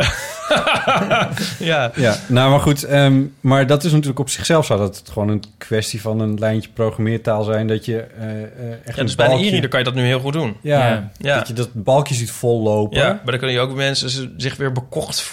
heb je dan die zich bekocht voelen van... eh, ja, ik dacht dat het veel dikker was en toen kwam er allemaal onzin. Maar dat staat als in het papieren versie. Maar ik vond het dus heel onprettig met eh, een e-reader. Want je kan dus niet bladeren. Ik lees graag vooral dan non-fictie. En dan zit ik ook steeds te bladeren en zo. Of ja, ik, wat ik al zei, ik begin dus achterin. achterin. Dat is ook geen doen met zo'n e-reader. Nee, En dan denk je van, wie was dat ook alweer? Blader, blader. En dat is dus allemaal niet fijn met een e-reader. Dat vond ik echt jammer, want ik vind het idee Ja. heel prettig. Ja. Ja, ja, ja, ja, precies. Ja. ja, want het was wel weer heel fijn dat ik dit ding... bij die ene treinreis die ik dan in de maand eens een keertje maak... dat ik dan wel gewoon zo'n heel... dat hele... want dat boek van Clinton, dat weegt volgens mij bijna drie kilo... als je dat in de winkel koopt. Dat, ik, dat ik nu met, met 200 gram klaar was. Ja, nou ja, laat het, laat het twee nee, kilo maar het is zijn. bedoel, ja, dat kan. Het is, ja. Heb jij het elektronisch gelezen of op papier? Nee, dus op papier. Oh, dus je hebt het hier. Ja, ik heb het alweer uitgeleend. Kan ik het wegen? Eh, nou, ik heb het uitgeleend, maar het is ongeveer is vergelijkbaar met Ja, dat nou, tweede het boek daar. Ja, precies. Ja, het zal wel een... eh, nou, het zal anderhalve kilo zijn, denk ik, zo'n boek of zo. Of een kilo. heel veel. Een kilo? Ik denk, dat het, ik denk dat het meer is dan je denkt. Of minder. Ah, dat dat Clinton boek was een beetje pulp. Die, dat is de biografie van Reagan. Die is denk ik wel een kilo misschien toch wel. Kan dat niet? Ik denk het wel hoor. Het is, het is vaak meer dan je denkt. Heb je nou thuis een weegschaal? en een boek van Hillary Clinton? Ja. Bel dat dan niet bij even. de verzend? Kunnen we die op Amazon staat misschien het verzendgewicht. Ja, dat zou heel goed kunnen. Ja. Ja, want eh, eigenlijk wilde ik zeggen over het boek van Clinton... dat ik daardoor ben gaan denken van... de wereld staat in brand en de verkies, die verkiezingen zijn gestolen... En, en, en straks is Amerika een fascistische dictatuur. Dat zeg ik elke keer al in deze podcast. Ja. En waar waar hebben wij het over hoeveel geluid een waterkoker produceert... en wat, het, wat dat boek weegt. dat vind ik toch heel gek, dat mensen daar niet meer mee bezig zijn. Blijven, ik heb vandaag ook het journaal gekeken. Ja, maar er is En weer iemand ik opgepakt. Ja, er is iemand opgepakt, maar is, is dat te zien in het NOS-journaal? Ja, ik heb dat net gezien. Echt? Oh, nou, in het NOS-journaal van vier uur zat het in ieder geval niet. Nee, Daar ging het over dat de helft Dat van de, van leerlingen van het Zatkien Ach. College... daar hadden ze wel tijd voor. Die komen niet... Oh, die komen niet in de les. Ja, hallo? Ja. ja, je, is je gewoon moet ook een, een beetje kiezen. staatsgreep in Amerika. Nee, nou, nee, de helft van de leerlingen van het Zatkien College... zat Welke kranten in lees de jij? bankjes. Geen. Ja, nou, daar ga je al. Er zijn ook buitenlandpagina's. Bijvoorbeeld in NRC. Wordt keurig over geschreven. Maar wij hebben het toch... Het is gewoon niet de talk of the town. Het is gewoon niet het gesprek van Ja, maar dag. het is Dat zo gewoon heel zinloos om het erover te hebben. Ik weet het straks in... Ja, maar daardoor gebeurt het ook. Daardoor vo- vo- voltrekt het zich. In Ja, maar- Amerika zelf ook. Maar wat kunnen wij doen? Nou, in ieder geval niet maar overzwijgen en hopen dat het vanzelf weggaat. wat wil je... maar- nee, oké, maar ik vraag wat we wel moeten doen dan. En niet wat we niet moeten doen. Nou, iedereen op boek van Hillary Clinton lezen en in Ja. hoogste verontwaardiging op het museumplein gaan staan. Tr- Demonstreren tegen Trump. Nou ja, I don't, ik weet niet precies, maar het begint wel met dat mensen zich een soort bewust van zijn. Ik vind het zo gek dat iedereen tot de orde van de dag overgaat. Ik weet niet of dat het geval is. Ehm, maar wat... Ja, ik weet niet. Wat, wat verwacht je van... Is- Wij hebben... Ik heb hem niet gekozen. Trump. Nee, ik bedoel... We kunnen, we kunnen er vanaf deze kant van de plas gewoon helemaal niks aan doen. Wat vind jij, Nico? Nou, volgens mij valt het wel mee. Ik denk eigenlijk eerlijk gezegd... Ja, ik vind het een soort Europees isola dat isolationisme nu. Van, van, nou ja, die Amerikanen moeten maar even kijken hoe, het, eh, hoe ze dat dan doen. Ja, nou ja, maar dat is... Omdat... Kijk, Kijk, als wij, ik- als wij als, bur- als burger kun je ook laten horen aan, de, aan, je, aan, je, aan je nationale politiek... die zich vervolgens weer kan manifesteren internationaal. Eh, ja, eh, wat je bijvoorbeeld kan doen is proberen te voorkomen dat er ook hier in Nederland inmenging komt in verkiezingen. En daar zijn we volgens Ja. mij wel redelijk alert op onderhand. Nou ja, dat is een goed punt. Kijk, nu wordt er ook gezegd van de bre- brexit is ook georchestreerd door de Russen. Of georchestreerd. Maar eh, die hebben daar een heel grote eh, Ja, je moet rol in niet te gehad. veel de complottheorieën geloven, maar... Nou ja, maar die... Nou ja, nou... Nou, kijk, ik denk Brexit...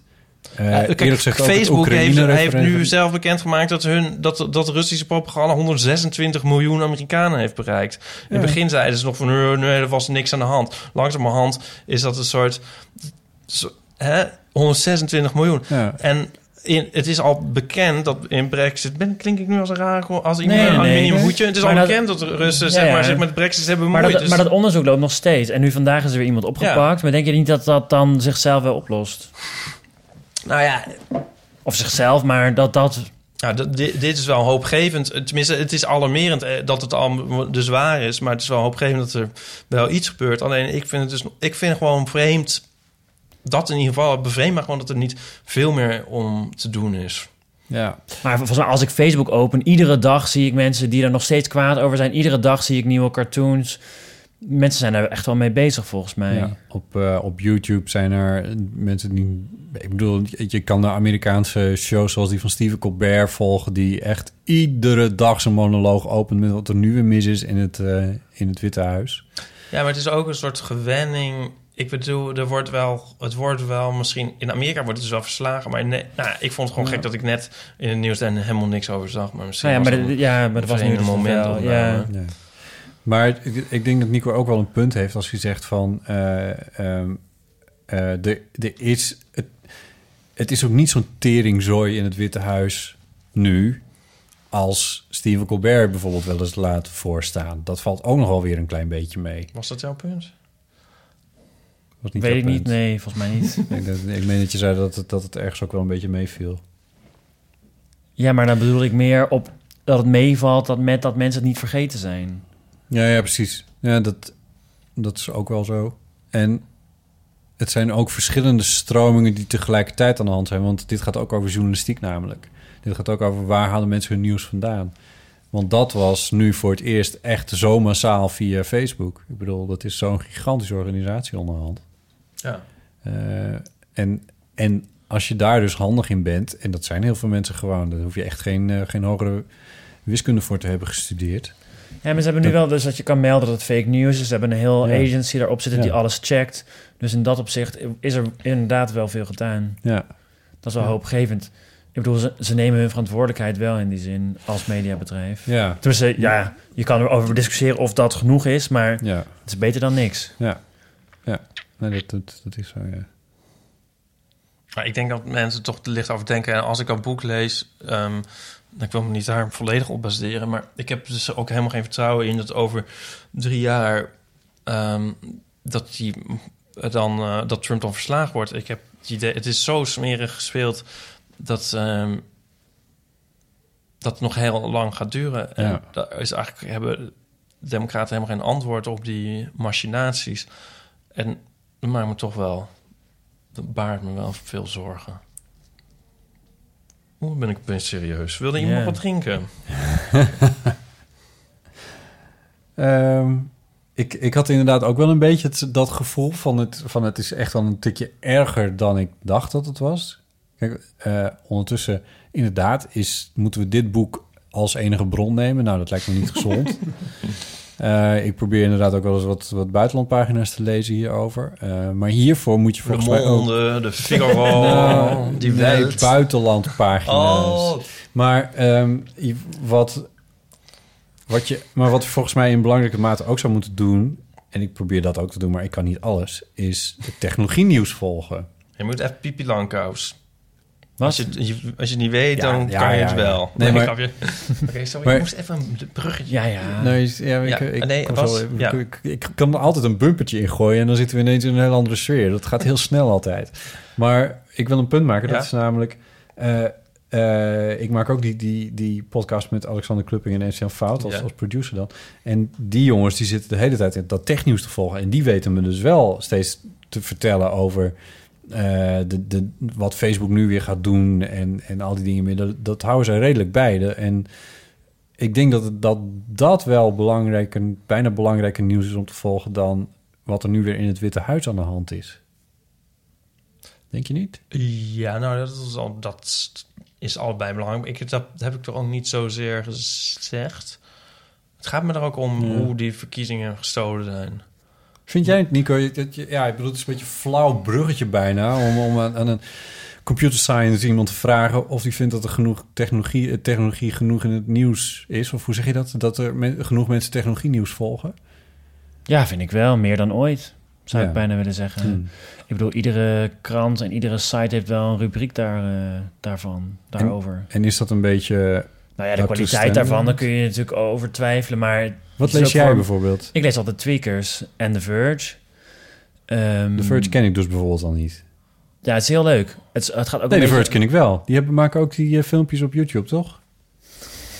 Ze maken Dat filmpjes op dan YouTube. niet. Ik weet niet of dat degene zijn die je nu in gedachten hebt. Ja, want zij... zij, zij Zij zijn iets breder dan alleen technologie nieuws. Ze kijken ook naar hoe dat dan weer op lifestyle effect heeft. Ehm, Ja, precies. Zij testen nieuwe ah, eh, telefoons en zo.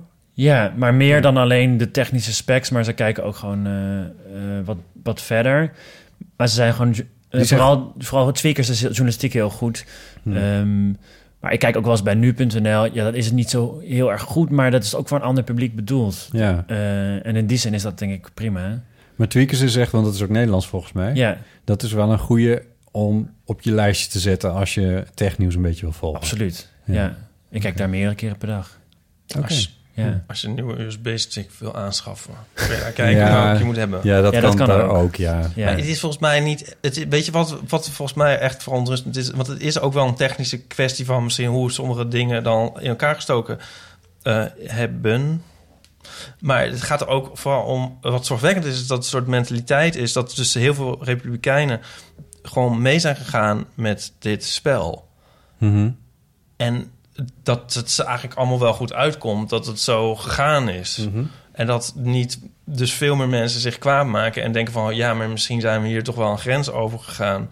Daar weet je wel dat, het, dat er Ja, ja. techniek achter zit, dat is één ding en hoe dat werkt en zo, en dat je dat kan begrijpen. Maar, maar dat er dus zoveel mensen zijn die dit, dit gewoon laten gebeuren, dat vind ik het verontrustendste. Ja, ja het, maar nu kom ik ook, ga ik ook weer even verder over wat je net zei. eh, want dat, dat is een interessante en die wordt vaak gemaakt. De koppeling tussen de verkiezing van Trump en de, eh, het referendumuitslag over de Brexit. Ja. Eh, en misschien in de, eh, in, in, op, een, op een verder punt kun je daar misschien nu ook aan koppelen wat er in Catalonië nu aan de hand is. Dus is ook een soort weerstand tegen de systemen of zo. Ja. Gek genoeg worden daar dus de meest nieuwe complexe systemen voor ingezet om dat voor elkaar te krijgen. Maar Ja, maar het is vooral tegen globalisatie. Dat is wat Ja, Trump ook zegt. We dat halen, was Trump. halen dat, dat was Trump alles uit boodschap. Mexico Dat was terug, Nigel Farage een boodschap. Dat ja. is van, van Piedmont is dat een, is een eh, boodschap, ja. Ja. bizar. Ja, maar mensen maken daar misbruik van. Ik bedoel, daar is dat... Nou, maar worden er bang voor gemaakt.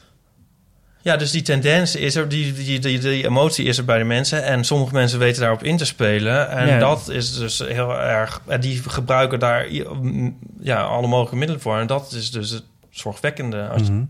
Maar veel, veel zinniger, meer zinnig zou ik ook niet over zeggen. Nee, nee, maar als je, dan, als je dus een, een, een, een soort overkoepelend iets daarover wil zeggen... dan moet je volgens mij inderdaad bij die angst voor globalisering zijn.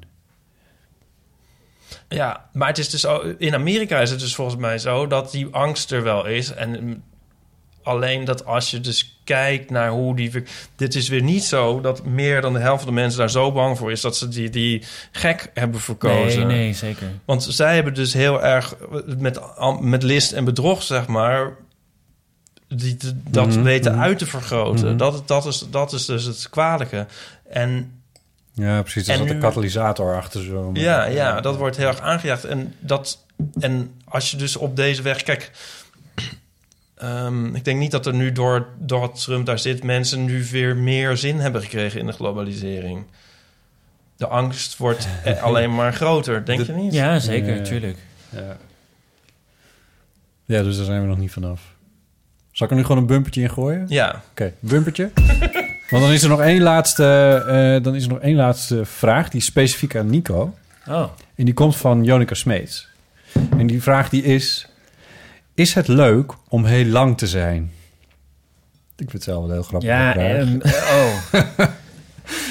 ik, ik moet Ja. heel eerlijk zeggen... dat ik, jij bent aan de lange kant. Ik Nou, weet niet niet, de- niet de langste persoon nee, die je volgens kent. mij... Ik weet niet hoe- in hoeverre jij Ipe en mij...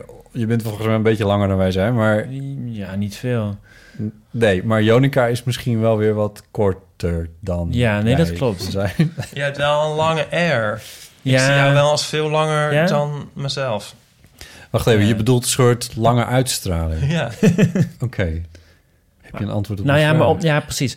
Ja, ik weet niet beter. Nee. Is dat een goed antwoord? Eh, Of is dat eh, een beetje Nee, nou, het is eigenlijk een gesloten vraag. Is het leuk om heel lang te zijn? Nou, dus niet stom. Nee, het is, het is redelijk leuk. Ja, Ja. ja. precies. Op popconcerten. Ja. Bij popconcerten is het wel leuk. Ik in vind het bed in- is het misschien onhandig. in- Ja, ik heb zeker- altijd... Mijn voeten steken altijd uit bij het bed. Nee, maar echt. En ehm, Maar als heb je, dan niet, heb je dan zit- hier niet een bed gekocht dat zo lang nee, is? ja, dus dan... Ik ben nu gewend dat ik dan een beetje zo opgekruld zo ligt te slapen. Oh. Dus dan gaat het wel. Heb je gewoon een 2 meter bed? Ja, niet, ja. Niet, niet 220? Nee. Oh, oké. Ja, ja. Nou ja, Gaat prima hoor. toekomstdromen. ja. En ehm, als je met een, met een goedkope eh, vliegmaatschappij vliegt... Ja. dan moet je, je toch je benen naar de zijkant doen. Anders dan, ja, Ja. dan gaat het gewoon niet. Nee. Ik, in, in theaters en goedkope bioscoop. eh, Ja. ja. Dan is het wel echt Nou heel ja, kut. Hoe vaak komt dat voor? nou, ik, ja, theater, daar zit ik nog wel eens. Dat vind ik helemaal niet leuk. Ja. Hoe lang ben jij dan eigenlijk? Eh 1,92 is. Ja. Ben ben jij lang, is Botte langer dan jij? Nee, Nico is langer. Ja, nou ja, volgens mijn paspoort ben ik korter, maar ik denk dat ik wel langer ben. Oh ja. Ik las net een interviewtje met Wart in het Parool, Wart Kamps. Oh ja. Ja. En eh, nou, die is geen 1,92. Misschien Nee. net de helft. En eh er stond, mildly. Oh. en er stond er van eh, wat, vond, wat hij dan eh, prettige plek vond of zo. En, of leuk om te doen, I don't know. En dan was het ja, naar, de, in de, naar de film in de Hallen. Ja, die bioscoop is heel mooi en met veel beenruimte. En dan kun je van, ja, wat? Ah. ja. Ik vind het wel leuk om een lang vriendje te hebben. ja? Ja, Wat maakt een, een lang vriendje leuk? dan kun je door je hoofd zo op zijn schouder leggen, een Oh. beetje zo. Oh. Ja. En dan is hij de stoere.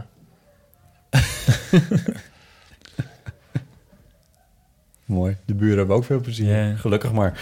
hey, zullen we naar de, de lange eeuwofoonbericht? Het lange eeuwofoonbericht. Ja, of doen we, doen we eerst de krant tussendoor? Eh, ik- even denken. ehm, ja, maar dat gaat ook weer over... Nou, misschien wel. Eh, nou, ik twijfel.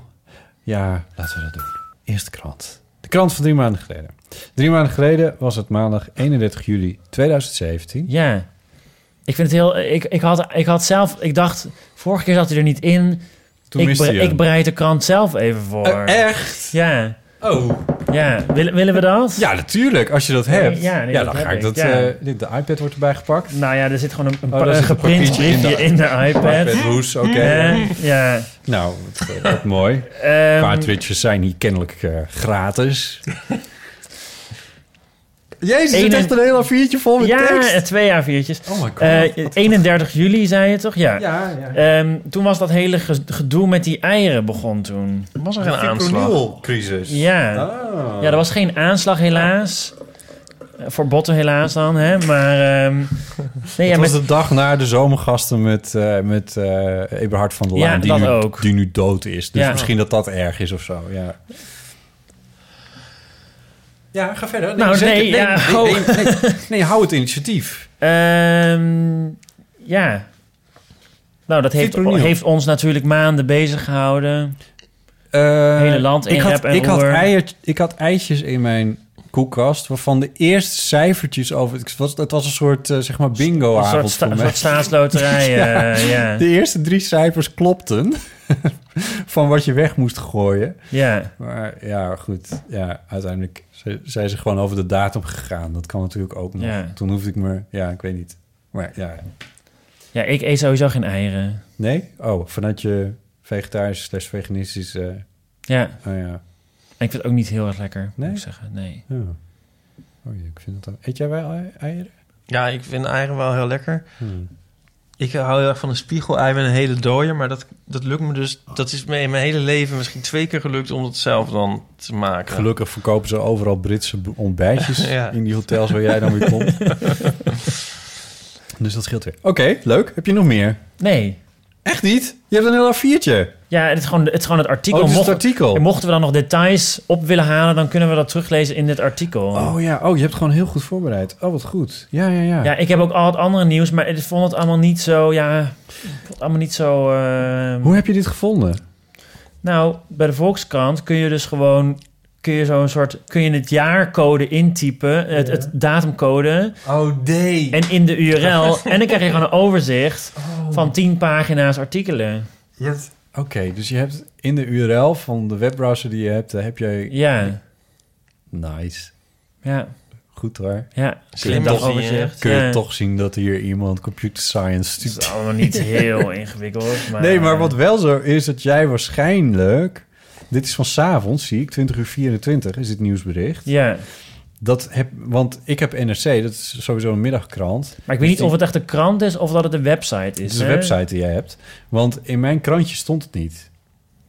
Ah, want de krant is natuurlijk van 's ochtends. Ja. ja, ja. ja. Ja.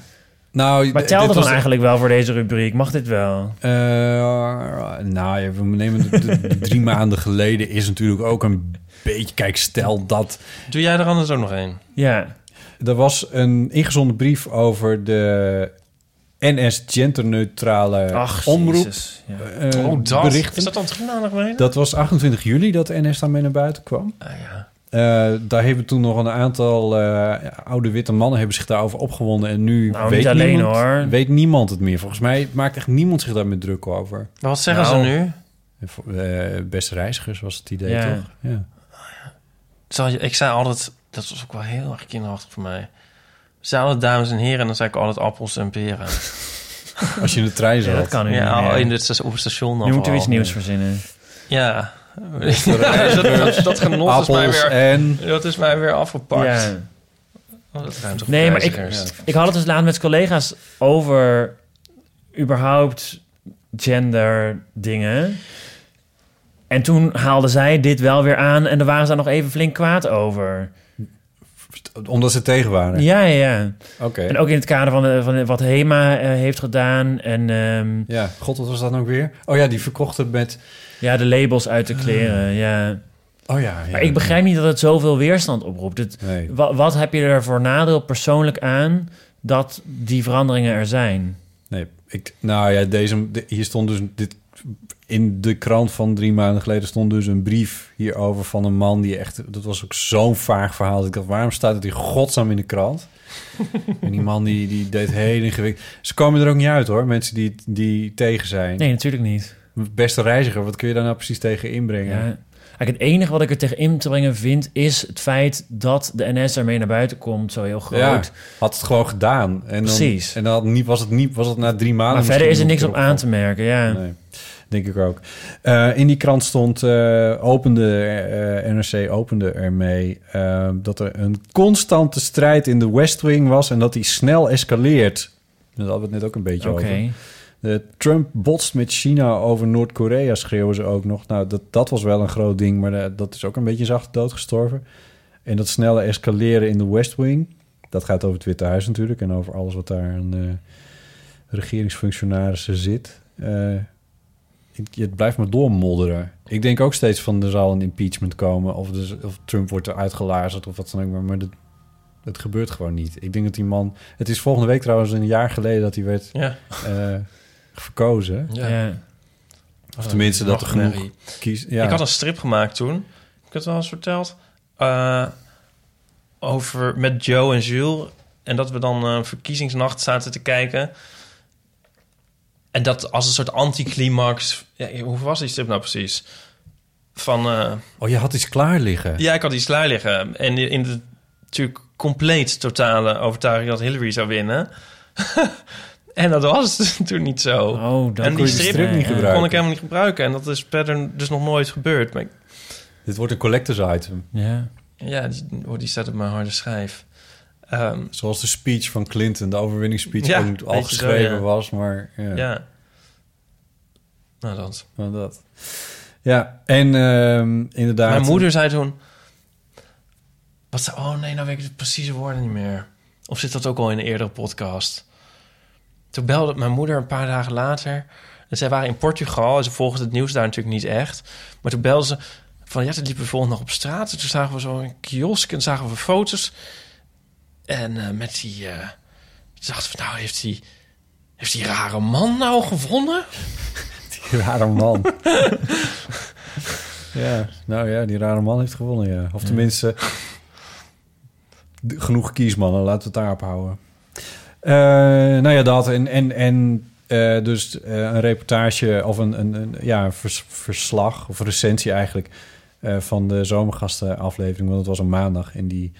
eh, de dertigste, eh zondag de dertigste was eh, Janine Abbring met burgemeester van der Laan van Amsterdam in Zomergasten. En Janine Abbring heeft onlangs de Sonja Barend Award gewonnen voor dat specifieke interview. Dus dat is ook wel leuk dat dat nog steeds een beetje nagehaald. Vind ik leuk in ieder geval. Ja. Oké, zullen we even luisteren naar, naar Diederik en zijn... Ja, maar dan willen wij ook zendtijd in, een, in de beste social media podcast. ja, van, even kijken hoor. Vier en een halve minuut. Jezus, echt? Hey, Oh. heel van de amateur, Diederik hier. Ja, ik had een beetje het gevoel dat jullie al klaar waren met eh awkward eh, mini-coming-outs. Maar ik ben dat nog niet, want ik merkte dat ik best wel aansloeg op het verhaal van JP.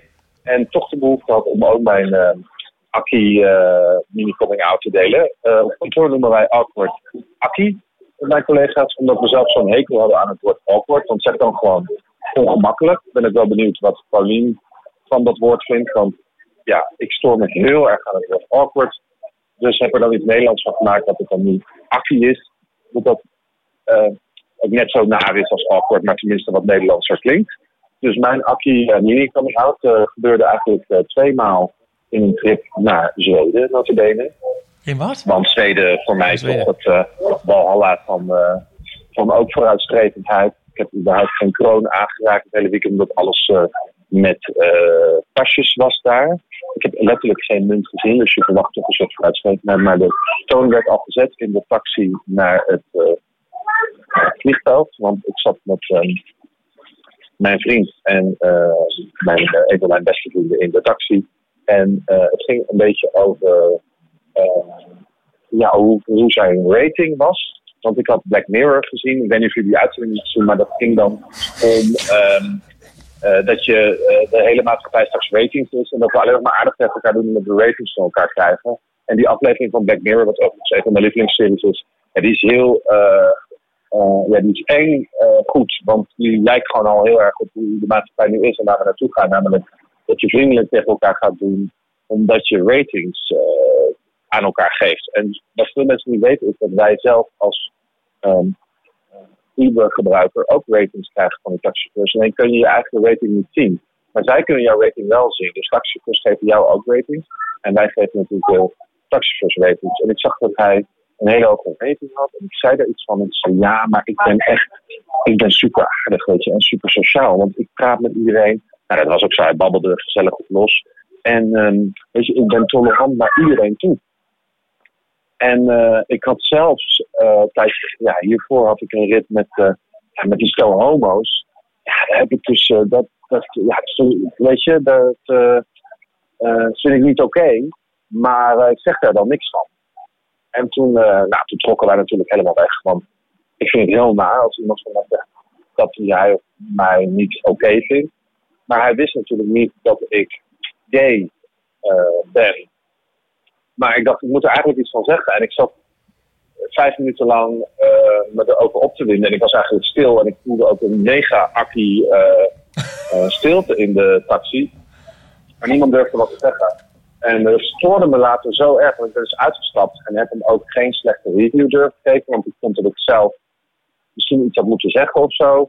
Maar ik heb er heel erg mee gezeten. Dus ik heb het wel nog op Twitter eh, geuit. En dat ik het toch ergens kwijt moest. Maar ik baalde later heel erg dat ik er maar niet op aangesproken was. Dat ik wel oké ben. Eh, of dat ik in ieder geval niet als een soort Ipe, wat Ipe ook zou willen, hem toch erop aangesproken heb. Want ja, anders er, verandert er nooit iets. Nou, vervolgens kwamen we in Zweden. In het, eh, een paar uur later, eh, flashback naar voren, kwamen we aan eh, op het, eh, in het hotel. En ik, ik, ik gaf mijn paspoort en die van mijn eh, vriend. En eh, de receptionist zei: eh, Oeh, er is een probleempje. We hebben een, eh, ja, we hebben een king size bed voor u en geen eh, los bed. Eh, en toen eh, zei ik: Nou, dat is helemaal niet erg hoor. We kunnen prima met z'n tweeën in een king size bed. En ook daar weer ging ik niet voor de eh, Mini coming out, maar zei ik dus niks. Nou ja, zeker op één dag. Dus ik beloof hierbij heilig dat ik mij op dat soort momenten zal proberen uit te spreken om een soort bewustzijn te creëren dat, ja, dat er niet alleen maar hetero's in deze wereld zijn. Anyway, eh, eh, oh anyway, terwijl ik zelf helemaal niet van Engelse woorden hou. Ehm, maar goed, eh, ik ben heel erg op deze nieuwe uh, Eeuwofoon. Heel veel succes met de podcast. Botten tot snel bij de opnames. En eh groetjes. Joe! Au revoir. doei, doei. Het is een beetje hoe mijn moeder een verhaal vertelt ook dit. Want? Het dus steeds meer in een soort spiraal de diepte Ja. in. Maar eh, en ik dacht ook een beetje van... als je dit achterstevoren afluistert en, en wat frequenties uitfiltert... hoor je dan ook geesten op de achtergrond? Ja, zeker. Ja, heb ik gedaan ook. Jezus. ja, weer een hotel waar, waar twee homo's aankomen en aan, aan de receptie. Hebben jullie dat ooit gehad met z'n tweeën? Nee.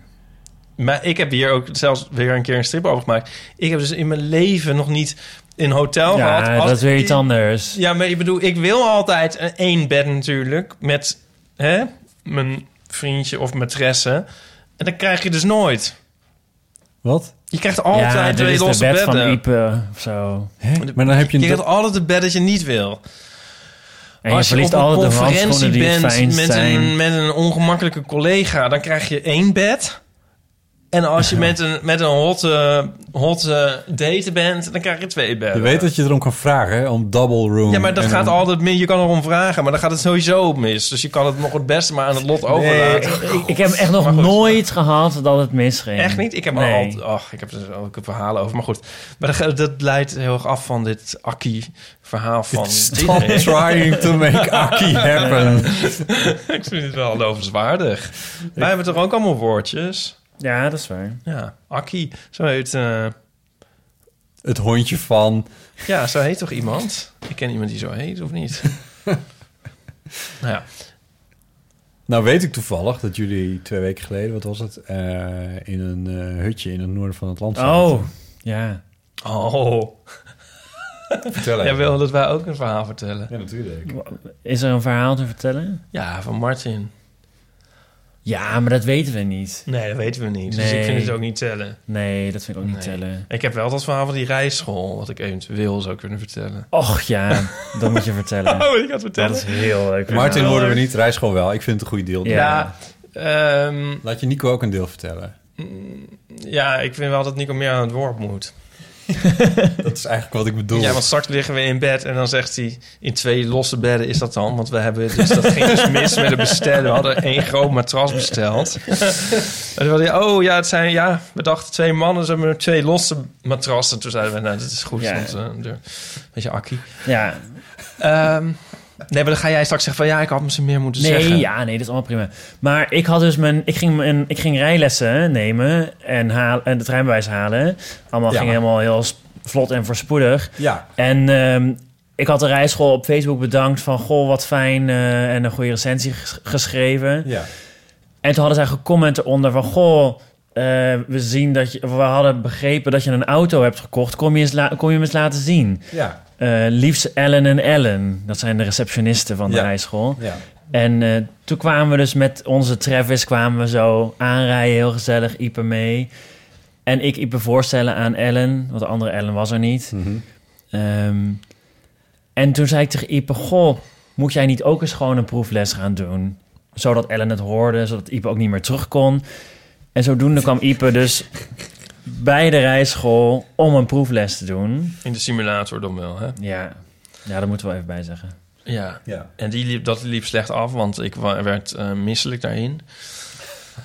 maar in het, eh, ik moest even, toen ik daar aankwam, toen moest ik even wachten voor ik terecht kon. En ehm, de rijschoolhouder, die was eh, ondertussen aan de telefoon. Met kennelijk een vriendin van hem. En hij zei, hij had het over een foto die zij blijkbaar op haar website had staan. En Hmm. hij vond dat geen geschikte foto. En hij zei, nee, ja, maar die foto, je bent veel leuker in het echt. En zo presenteer je je niet goed. En het trekt helemaal de verkeerde klandizie. En dat is niet de juiste uitstraling. Er moet echt een andere foto. Nou ja, zo ging hij maar door. En zij gaf het dus blijkbaar nog niet toe. En toen zei hij... We hadden die man dus ook al gezien de paar dagen daarvoor samen met het autootje. Zij wist dat wij bij elkaar hoorden. Toen zei hij, "Eh, weet je wat? Ik zit hier met een meneer... En eh, die meneer is met een andere meneer. En eh, die heeft dus, dus kijk op vrouwen en op hoe je je moet presenteren. Dus wat ik doe, ik zet je op de speaker en ik laat die meneer laat ik die foto zien. En dan kan hij kan zeggen even wat hij daar nou van vindt. Was, was, wi- wist, wist, ja, wist jouw rijschoolhouder... Was, was dit een man waar je bij hebt les Nee, nee, nee, nee. Dit is de eigenaar van de rijschool. Oké, ja, ja. ja. ja. Dus die wist verder niets van jullie, maar... Maar ja, die had ons gezien. Ja, en hij, en jij had volgens mij bij mij bij Ja, ik had dit je- is mijn vriend. Ja, Ja, ja, precies. Ja, ja, Oké, ja. ja. Dus het was niet in die zin een coming out, maar het was dus meer een geval van, eh, van dat je opeens allerlei eigenschappen krijgt toegedicht, zoals een kijk op een objectieve kijk op vrouwen en weet hebben van hoe iemand zich moet Ja, presenteren, ja. et cetera. Ja, dus ik kreeg die vrouw aan de telefoon en die foto was inderdaad afschuwelijk. ik, we kunnen wel in de show notes zetten, nee, maar Nee, nee, nee, nee, nee, nee, kan niet. Nee, maar ik probeerde natuurlijk die vrouw... Ik bedoel, ik ging daar ook weer verder niet in mee zozeer. Maar het gekke was dus eigenlijk dat hij nog gelijk had ook. Ehm, Maar, ja, maar hij schoof eigenlijk de verantwoordelijkheid voor het zeggen... ja, Van- maar ik vond het zo'n... Dit was een geval waarin iemand eigenlijk heel erg inclusive doet, hè?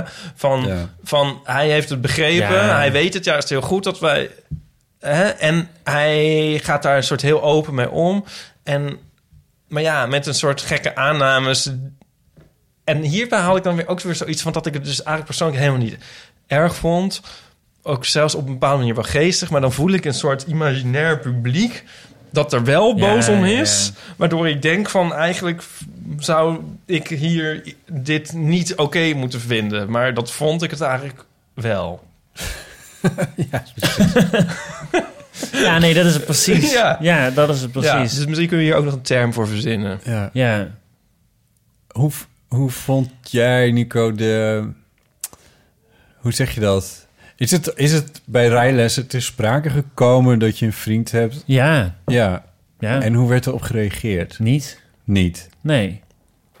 En dan bedoel je... Ja, gewoon als feit aangenomen. ja, precies. Verder en- prima. ja. ja, ja. Hoe noemde Marcus dat nou ook weer van... eh, toen in eh Oh, Duitsland god. Ja, zo'n mooie term voor. ehm, eh, pff, o- o- over, nee, Overacceptatie. Ja. Oh, ja. Dat is ja, het want god, dat is ook nog wel... Wij waren toen in Stuttgart, denk ik, in een kroeg. Ja. En toen kwam een man... Wij, zaten, wij waren gewoon een soort duidelijk een stel uit aan het zijn gaan. Toen kwam dus een man naar ons toe en die ging maar door over hoe geweldig die er wel niet vond... en hoe, eh, hoe, accepteer, hoe erg hij dat niet allemaal accepteert. Ja. En, en hij bleef maar doorgaan en... Oh, dat is echt, echt vreselijk. Ja, en toen eh, Marcus, wij waren dus met z'n tweeën als duidelijk als stel en met een, een jonge Marcus erbij. En die zei toen van, eh, toen was die man eigenlijk weer opgekast. Zei ja, dat, dat noem ik dus overacceptatie. Ja. Ja. En, en je hebt ook wel, dat vond ik een heel mooi term, maar je had ook wel eens van, eh, wie was dat nou? Dat, dat hij dan eh, hand in hand liep of zo met zijn vriendje. En dan kwamen de mensen zeggen van dat ze dat zo goed vonden. Ja, ja, ja, en dan ja. werd hij dan, daar werd hij dan weer heel kwaad om. Ja. Ja. Ja. Maar ik heb dat niet zo. Als iemand mij komt zeggen van... oh, dat vind ik heel leuk dat je met je vriendje hand in hand loopt... dan zou ik dat denk ik toch wel gewoon aannemen. Jij ook? Ja, Niet dat ik dat doe natuurlijk, met hand in hand lopen. en, en jij? Ik heb niemand om mee te Oh ja, hand nee, te maar bewijzen van... Als jij nou met een... Ja, nee. Ja. Het is ook een onvoorstelbaar iets. Is dat wat je bedoelt? I don't know. Wat vind jij van overacceptatie? Wat Ja. vind ik van overacceptatie? Ja, nou... ehm, Het is toch beter in ieder geval dan Ja, een taxichauffeur die ja, ja. zegt van... oh, nou, gelukkig dat jullie geen homo zijn. Nee, precies. Wat, wat Diederik heeft meegemaakt. Nou ja, dat is zo. Want geef, hè, zou je die- zo'n Uber-chauffeur dan een slechte rating geven... door die, die, die eh, ja, eigenlijk quasi-homofobe Ja. opmerking die hij maakt? En had achteraf had hij dat best mogen doen. Ik, vind, eh, ik vind ook van... Ja, je bent on the spot en zo. En ik, ik snap best dat je niet op dat Nee. moment iets zegt. En ik vind dat je best wel... Je hebt toch een onaangename rit gehad? Ja, dat ook? mag je best achteraf lekker Ja. anoniem doen van mij. Dat is niet nou nog weer een verwijt aan die... De, Ja, maar dat sneu- dat sneu zegt zijn vakantie dus. zo Want het kan dus niet anoniem. Want die chauffeurs die weten dan... Nou, wel anoniem, nou, dat gaat niet. Maar hij vond, want ik eh, begreep van dat hij dat niet meer mocht doen, want dan had hij zich daar maar moeten uitspreken. En eh, Ja, nou, maar daar, niet? daar heeft hij natuurlijk... Dat vind ik dat, want die vind ik ook heel complex. Want dat heb, ik ben ook niet altijd even ad rem. nee, daarom. En als je daar later nog iets aan recht kan zetten, dan eh, Ja. mag dat best. Hey, zullen we nog even luisteren naar eh, nog twee eh, telefoontjes die we gehad hebben? Eh voicemailtjes eh, op 06 1990 Nee, 1990. 1990 Het is 68 71. we gaan luisteren. Hoi, Ipe en Botte en misschien Paulien. Jullie spreken met Lieven, jullie eh, luisteraar van het eerste uur. Ik eh, heb meteen eigenlijk de vraag, ik heb ook nog de, af, de wasmachine doet nu zijn toeren op het einde. Dus ik hoop dat microfoon Botte dat kan waarderen. Eh, ik heb meteen een vraag eigenlijk aan een andere voicemail inspreken naar JP. Die vertelde zo mooi zijn voicemail. Ik vroeg me af of die geoefend had. En of hij niet dan misschien eigenlijk bij echt gebeurt meteen dat ook moet gaan vertellen. Dat verhaal over die awkward mini out. Want wel. daar wil ik eigenlijk op reageren. Ik weet niet of ik dit al een keer gemaild heb, maar ik dacht misschien kan ik het beter niet vertellen. Want eh, die awkward mini out ervaar ik als hetero of queer ook heel vaak andersom. Als ik in een eh, ho- homo-situatie ben, situatie kroeg of bar, eh, of bijvoorbeeld op mijn werk. Ik werk veel in de culturele sector en dan zijn er vaak jongens en die vinden mij dan, denk ik, interessant. En dan moet ik op een gegeven moment tegen hen zeggen: Ja, sorry jongens, maar eh, ik val niet op jongens. Tenminste, ik zoek wel eens met jongens, maar ik heb niet echt de behoefte om met ze naar bed te gaan. Ehm, en dat sluit dan weer aan op wat jullie al heel vaak goed zeiden: dat het gaat over die structuren eh, eh, van de maatschappij die je ertoe dwingen om op een bepaalde manier ergens uit voor te komen. Die, wat natuurlijk al de hele tijd herhaald wordt. En wat dus ook geldt voor mij als hetero. En ik vraag me ook af eigenlijk of ik daardoor queer word. Want ik ben heel sympathiek voor de queer cause. Maar ik voel me eigenlijk ook een soort van bedrieger omdat ik niet eh, per se een queer ben of me identificeer als queer. Behalve dan dat het politieke aspect en het verzetten tegen de structuren van de maatschappij mij wel aanspreekt. Ik ben heel benieuwd wat jullie hiervan vinden. Ik kan er nog even aan toevoegen. Hij belde later nog een keertje in en toen vertelde hij nog een anekdote over eh, dat eh, zijn lerares Duits ooit een keer tegen iemand heeft gezegd: Ik weet nooit of Lieve nou een jongen of een meisje is. Oh. Het- ja, dus dat vind ik al, al heel leuk. Ehm, en verder vraagt hij zich dus... Ja, hij, hij bestaat hetero-queer? Ik, ik waarom denk het wel. Ik zou niet weten waarom niet, eigenlijk. Dus lieve trek je daar niet te veel van aan, vind ik eigenlijk. En ehm, hij, hij heeft het dus over dat hij als, eh, als hetero dat in, in, bij in homogelegenheden is, laten we het zo zeggen. En dat hij dan daar een soort coming out heeft als hetero, omdat hij wel een soort flirtachtige dingen doet met, met, home, met, met jongens, laten we het zo zeggen, met mannen.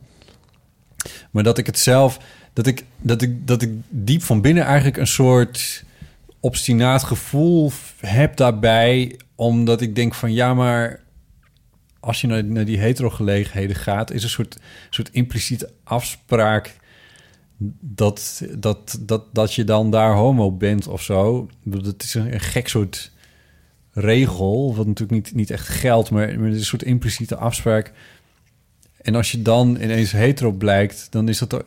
dat- is als iets waar... Dat is iets waar ik zo vaak in mijn leven tegenaan ben gelopen. Omdat ik zo vaak verliefd of crushes heb op jongens die hetero zijn.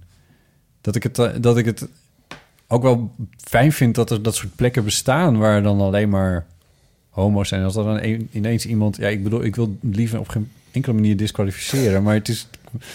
Ik, maar ik, dat bedoel ik dus met dat gevoel wat ik diep van binnen wel een beetje voel van... ja, maar lieven, ik ga daar dan niet naartoe of zo. Ja, maar je, je merkt dat toch als je met iemand praat, zou ik zeggen. Of iemand homo is of niet. Nou ja, je Lieve heeft merkt... het eerlijk gezegd wel eventjes geduurd... voordat ik dat bij hem precies in de gaten had. Nee, oké, maar ik bedoel... Die kijk- is oké als een deur. als een. Nee, maar ik bedoel meer, je gaat toch ook niet met iedere jongen in de, in de, in, daar aanpappen. Je Nee. praat met iemand en Ja. dan is er een connectie of niet. Ja. En dan gebeurt er meer of niet. Ja. Dus dat zou ook hier volgens mij prima kunnen. Dan hoef je niet uit de kast te komen. Je hoeft niet te zeggen, ho, stop, botten, eh, ik ben hetero. Ja, maar dat, dat moet Lieven dus kennelijk wel zeggen af en toe. Ja, maar dan geeft hij misschien wel signalen af of zo. Ja, als hetero-queer geeft hij wel bepaalde signalen af. En hij zegt ook dat hij staat te zoenen met, eh, met mannen af en Ja, oké. That's a pretty strong signal. Ja, daar zou ik toch ook wel iets uit afleiden als ik Ja, nee, dat is waar. tegenpartij zou Ja. zijn. Ja. Weet je nog dat liedje van... I see the signs. You're telling me that you're leaving. Ja. That's a pretty strong sign. Ehm, maar... ehm, nee, ik moest het nou aan denken... Wij, grappen toch altijd van... Oh, je zou maar hetero zijn. En dan doen we een soort grap... Voor de grap medelijden met hetero's. Doen we toch wel eens? Ja. Nou, en Voor de ik- grap medelijden met hetero's. ja. Zo van, oh, je zou maar hetero zijn. Zo saai en vreselijk en zo. Dat, dan, ik denk van, als ik, als ik hetero zou zijn... zou ik denk ik zoals lieve zijn. Dan Ja. hierin. Het is Ja. toch ook veel leuker om naar een homo-kroeg te gaan. Ook voor lieve. En eh, hij is een, denk ik, in... Ik bedoel, hij is toch ook best wel queer, leuke, eh lieve, sensitieve jongen. Ja, is hij ook. Ja, alleen dat laatste stukje zit er dan net niet in. Maar dus, ik snap wel van, eh, voor hem de, dat daar een soort lastigheid Ja. in zit. Maar Ja. ik vind dat hij heel... Maar is dat niet dat hij dat meer bij zichzelf voelt... en dat dat echt een probleem is? Voor, voor de mensheid toch niet? Die hebben toch nog genoeg om uit te kiezen. Ben jij ooit verliefd geweest op een hetero jongen? Ja, wie niet? Ja. Hij moet gewoon naar, naar alles toe gaan hoor, lieve. Ja, ja. Ja, ja, nee, dat zeker. En, en, en andere queer het hetero. Nee, maar ik bedoel dus eigenlijk te zeggen van misschien... Nee, maar, Nee, maar, maar ik bedoel eigenlijk te zeggen van misschien is het, is het probleem met zijn hoofd groter dan in de... En over vijf jaar komt hij uit de kast. Oh, sorry. Nee, in zijn hoofd is het misschien een groot probleem dat het is. Ja, maar ja, of hij vindt het misschien gewoon jammer dat hij toch niet homo is. Maar dan moet hij toch een keer gewoon maar eens wel een keer die stap zetten. Ja,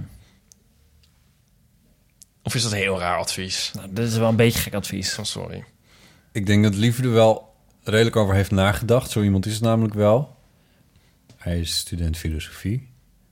Of was, afgestudeerd. Dus dat zijn wel denkertjes, zullen we maar geen zeggen. student filosofie te zijn om over seks na te denken. Nee, maar over je geaardheid heb je dan toch echt wel... Waarschijnlijk heb je daar wel... Ja, ik weet niet. Daar zul je toch wel enigszins over hebben nagedacht, denk ik zo. Maar, maar goed, ja. Ja, ik, ik, ja. Ja, kut voor je lieven. Maar het is kutter voor ons. Eigenlijk. Voor ons homo's. Want? Omdat je dan met een hele leuke jongen... En dan is het... Ik bedoel, ja, jezus, ik heb zo... Het is echt... Het is, het is onderhand een, een, een, een, een bus vol met jonge mannen... waar ik onderhand verliefd op ben geweest... die, eh, Is dat die dat- hetero... Is, dat, is dan toch een soort alsof je verlie- Als je altijd verliefd wordt op iets onbereikbaars, dan is daar iets anders aan de hand. Ja, dan wordt dat een patroontje en Ja. dan zit dat in je systeem. Dat zou, dat, dat zou kunnen, ja. ja. Ik word juist helemaal nooit verliefd op hetero's. Dus die zie ik niet eens. Dat zijn is als een soort. eh, Nou, god had ik jouw hoofd maar. Ja, en als iemand en Nou, als nee, ik weet je best- wat? Nee, iemand nee, nee. aanzie voor voor gay en dan is hij het niet en dan is het ook meteen van eh, oh dan vind je het meteen heel onaantrekkelijk. Ja? ja, dat Echt? de knop om. Ja, dat, dat doet me niks. Hetero's, nee. Bah, Heb jij dat ook? met hun baarden. Ehm, nou, nee, ik vind hetero's ook wel interessant, denk ik. Maar Ja. Gewoon naar te kijken, verder niet. Hm. Ik ga er niet iets van mee, geen actie op ondernemen. Nee. nee. Volgens mij met die eh, awkward mini coming out. Volgens mij zijn we er nog lang niet van af. Nee, ik wou net zeggen, dat houdt iedereen echt wel eh, bezig. Ja, ja. Ja. Maar ik heb, dat dus, ik heb dat dus zelf nooit echt zo... Maar ik vind... Ik, Die awkward ja. mini coming outs niet. Nee. Want? Bijvoorbeeld met die rijschool. Ja, ik zeg dan gewoon... Oh, ik heb een, eh, ik heb een vriend. Ja, precies. Nee, ja. Maar misschien ben jij er ook wel iets opener in. Ja, maar jij komt inderdaad van de andere kant bijna. Want toen ik jou leerde kennen, liefje... Ach. Toen, nee, maar toen had jij een... eh, liep jij in een roze-groene panterpatroon legging... Op valt heels ook allemaal wel een mee. enorme Dat valt zonnebril aan een touwtje in een valt- faux bontjas. nee, maar het is gewoon zo. En eh, je was een ontzettende verschijning in die zin. En jij bent zo, zo uit de kast geweest als, als er ooit maar iemand uit de kast was. En je hebt het een beetje downgetoond langs mijn hand, denk ik. Maar ik denk dat dat voor... Je hebt het altijd heel erg uitgedragen. Dus dat, en dat is heel goed. Dat vond ik toch ook leuk. Ik viel toch ook meteen voor je. Maar wat- Was er maar geen hoe heeft dat dat jij misschien hetero was? Nou, dan, dan heb... Want de awkward mini coming outs gaan over assumpties die mensen hebben. En de assumptie is bij een awkward mini coming out... oh, dit is een hetero man. Wij hebben bijvoorbeeld... eh, wij hebben een, eh, een king size bed... in plaats van een double bed eh, in ons hotel voor jullie geboekt.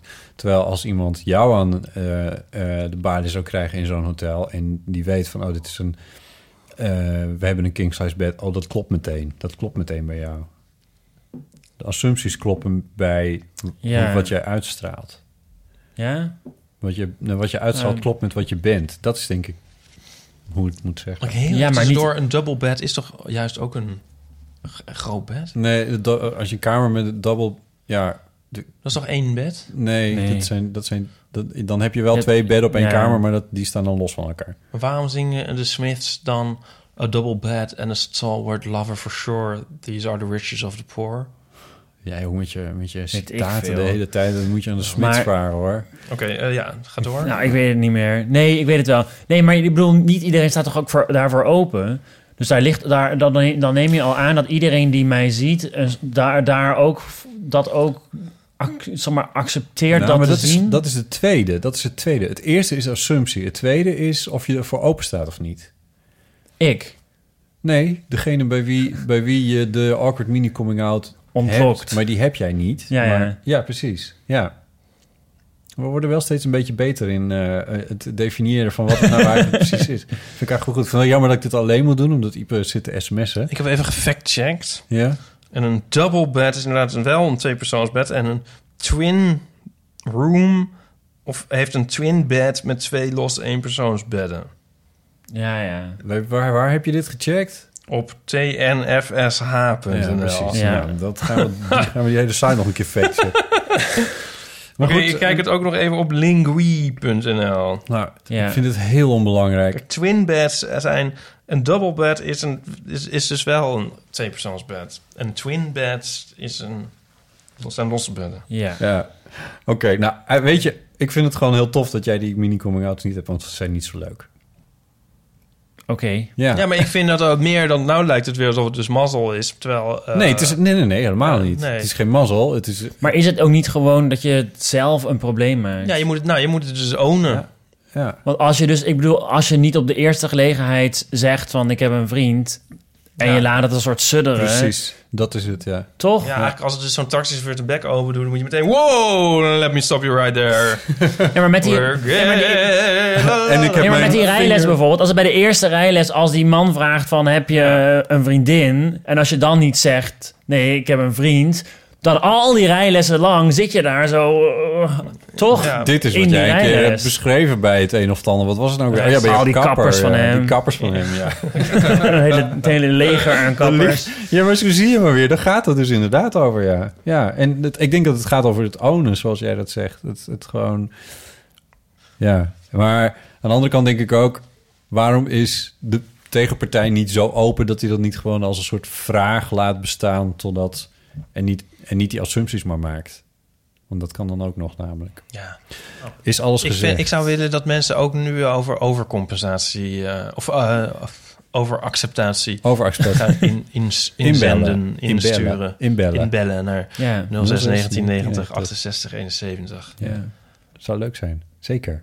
Mensen kunnen meer eh, post insturen naar botten.bottenjellema.nl. Mag ik nog een cultuurtip geven? Ja, zeker. Ik heb zo'n ontzettend goede film gezien. Nico heeft hem ook gezien. Oh ja. Ik mag af en toe films recenseren voor het geweldige leuke blad Schokkend Nieuws. Ja. Waar iedereen een abonnement op moet nemen. Het is ook een site. Ik heb er misschien al eens eerder reclame voor gemaakt.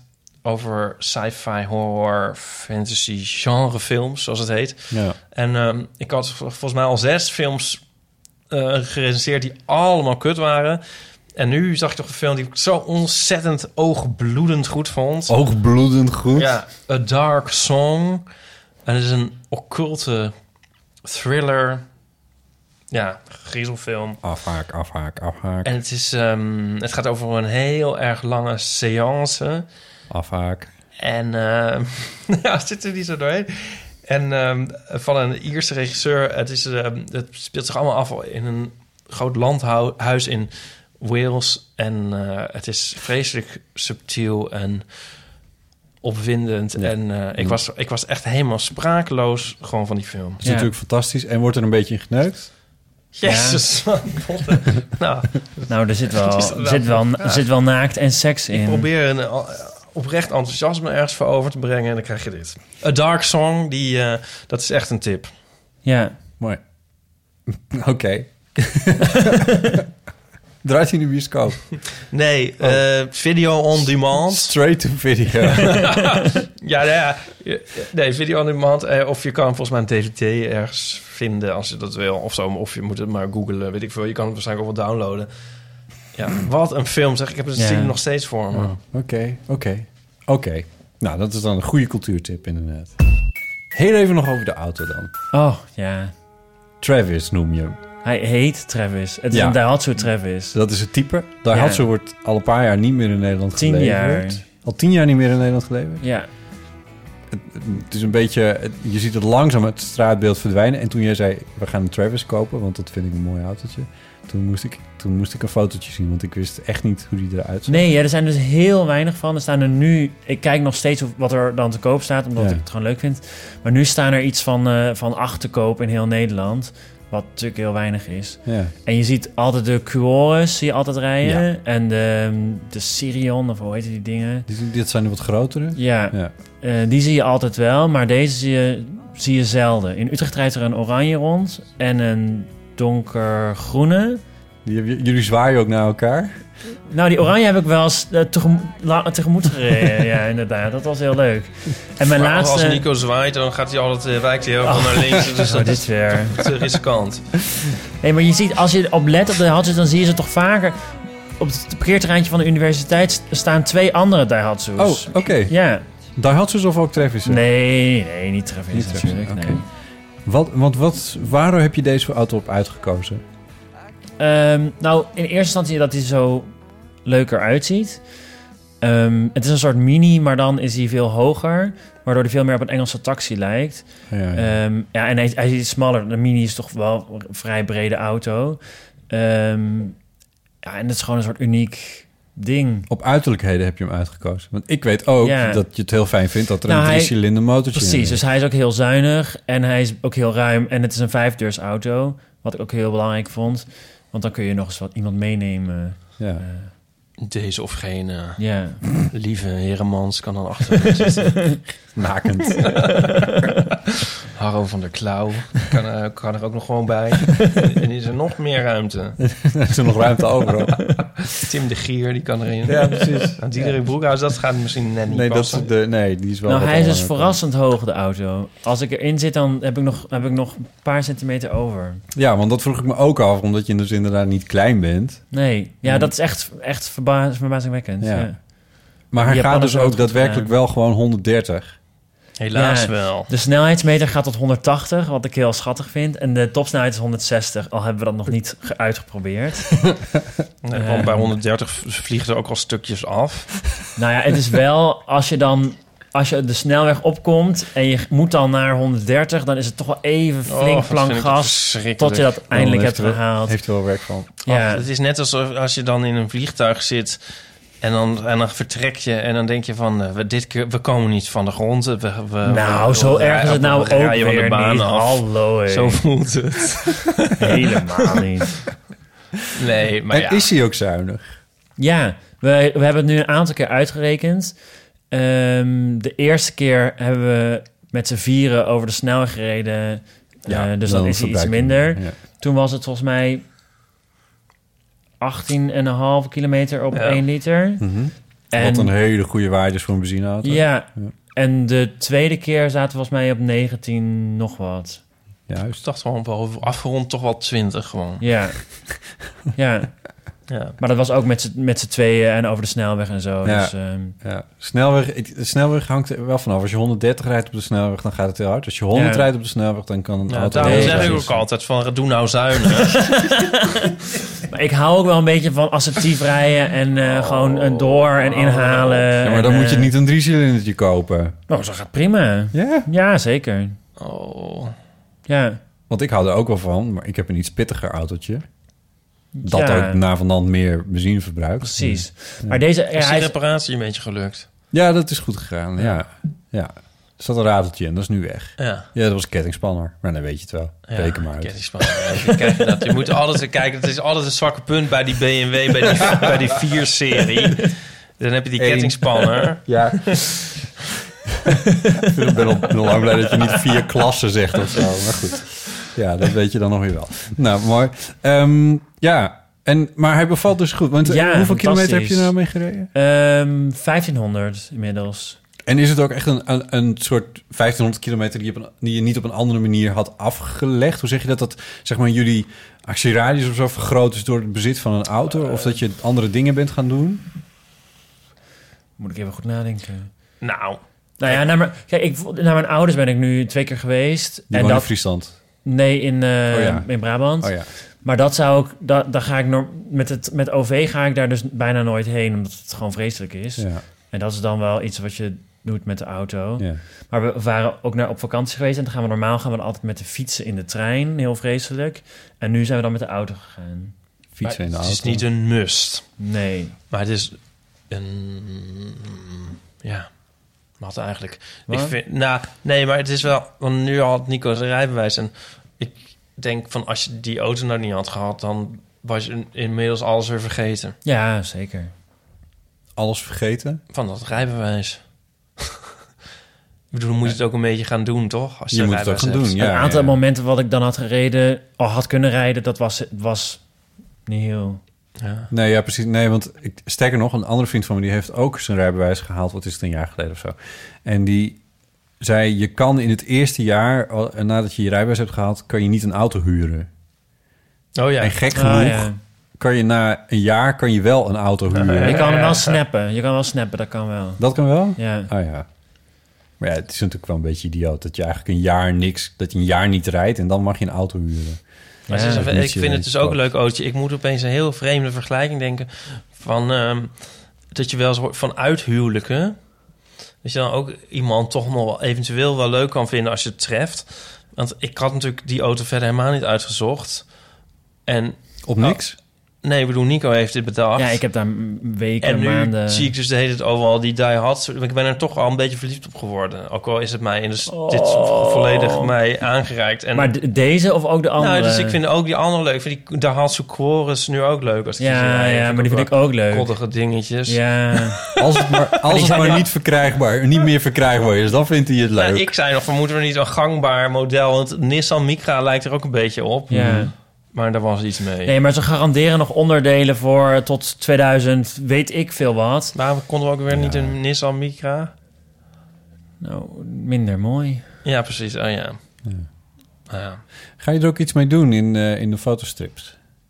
Ja, maar dan moeten we eerst even eh, ah, ah, ons leven weer op de rails krijgen.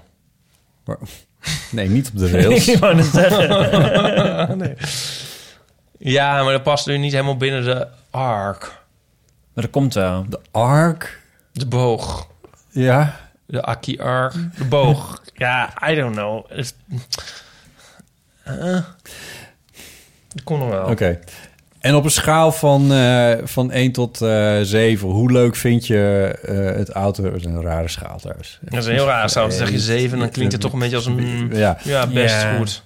Op een schaal van 1 tot 11, hoe leuk vind je autorijden? 11. 11. Ja. Superleuk. Ja. Wat is het leukste eraan? Pff, wat is het leukste aan autorijden? Ik weet niet, het is gewoon heel, het is heel leuk, het is heel verslavend. Verslavend. Vind je niet? Nou, ja, god, ik rij al een tijdje, maar... Ik ben ik niet zo, niet zo verslavingsgevoelig. Nee, ik maar vind dat het wel heel leuk. Ook als heel ik- leuk, Ook, ja. nee, toen ik rijles had ook. vind ik echt spelletje altijd- leuk op de stond weg. ik altijd zo soort te springen om die auto weer in te gaan. En die, Ja. die instructeur wist dat ook. Weet Ja. je wel, die zat iedere keer zo... Oh, god. ja, het, het is gewoon heel leuk. Ik zit er toch een soort opposites attract. Hoe kunnen we daar nou toch zo in verschillen?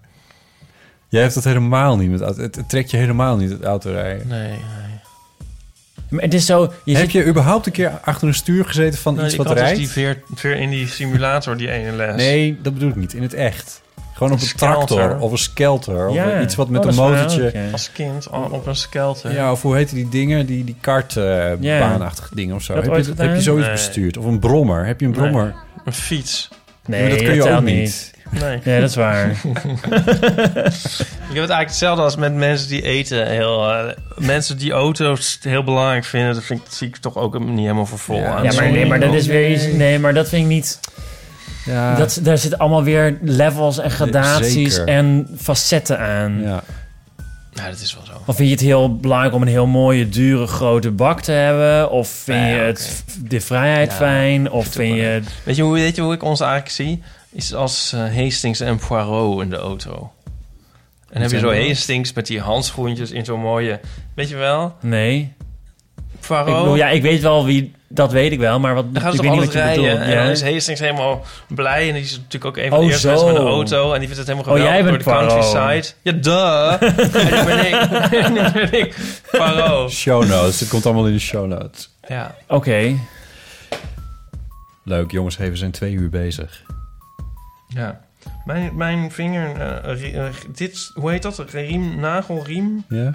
Is zeg maar gedurende deze aflevering gaan ontsteken. Dat was nog niet toen we begonnen waren. Zie je dat? dat hoe dat ja, maar ja, er was, is? er was natuurlijk ook al een tijdje niks meer aan jou ontstoken. dus het- je kon er ook op wachten. Dankjewel, Ipe. Ja, ehm, my pleasure. Ik vond het heel leuk. En Ja. natuurlijk Nico. Ja, Super bedankt dat ik mee mocht doen. Ja, het- hey, ja. Ik hoop dat ik het goed genoeg heb gedaan dat ik nog een keer terug mag komen. Oh, dat is schatje. Wat mij betreft wel. Ik vind het heel leuk. Ja. Dankjewel. Graag gedaan. Blijf ons bellen. 06 1990 68 71. De eeuwofoon.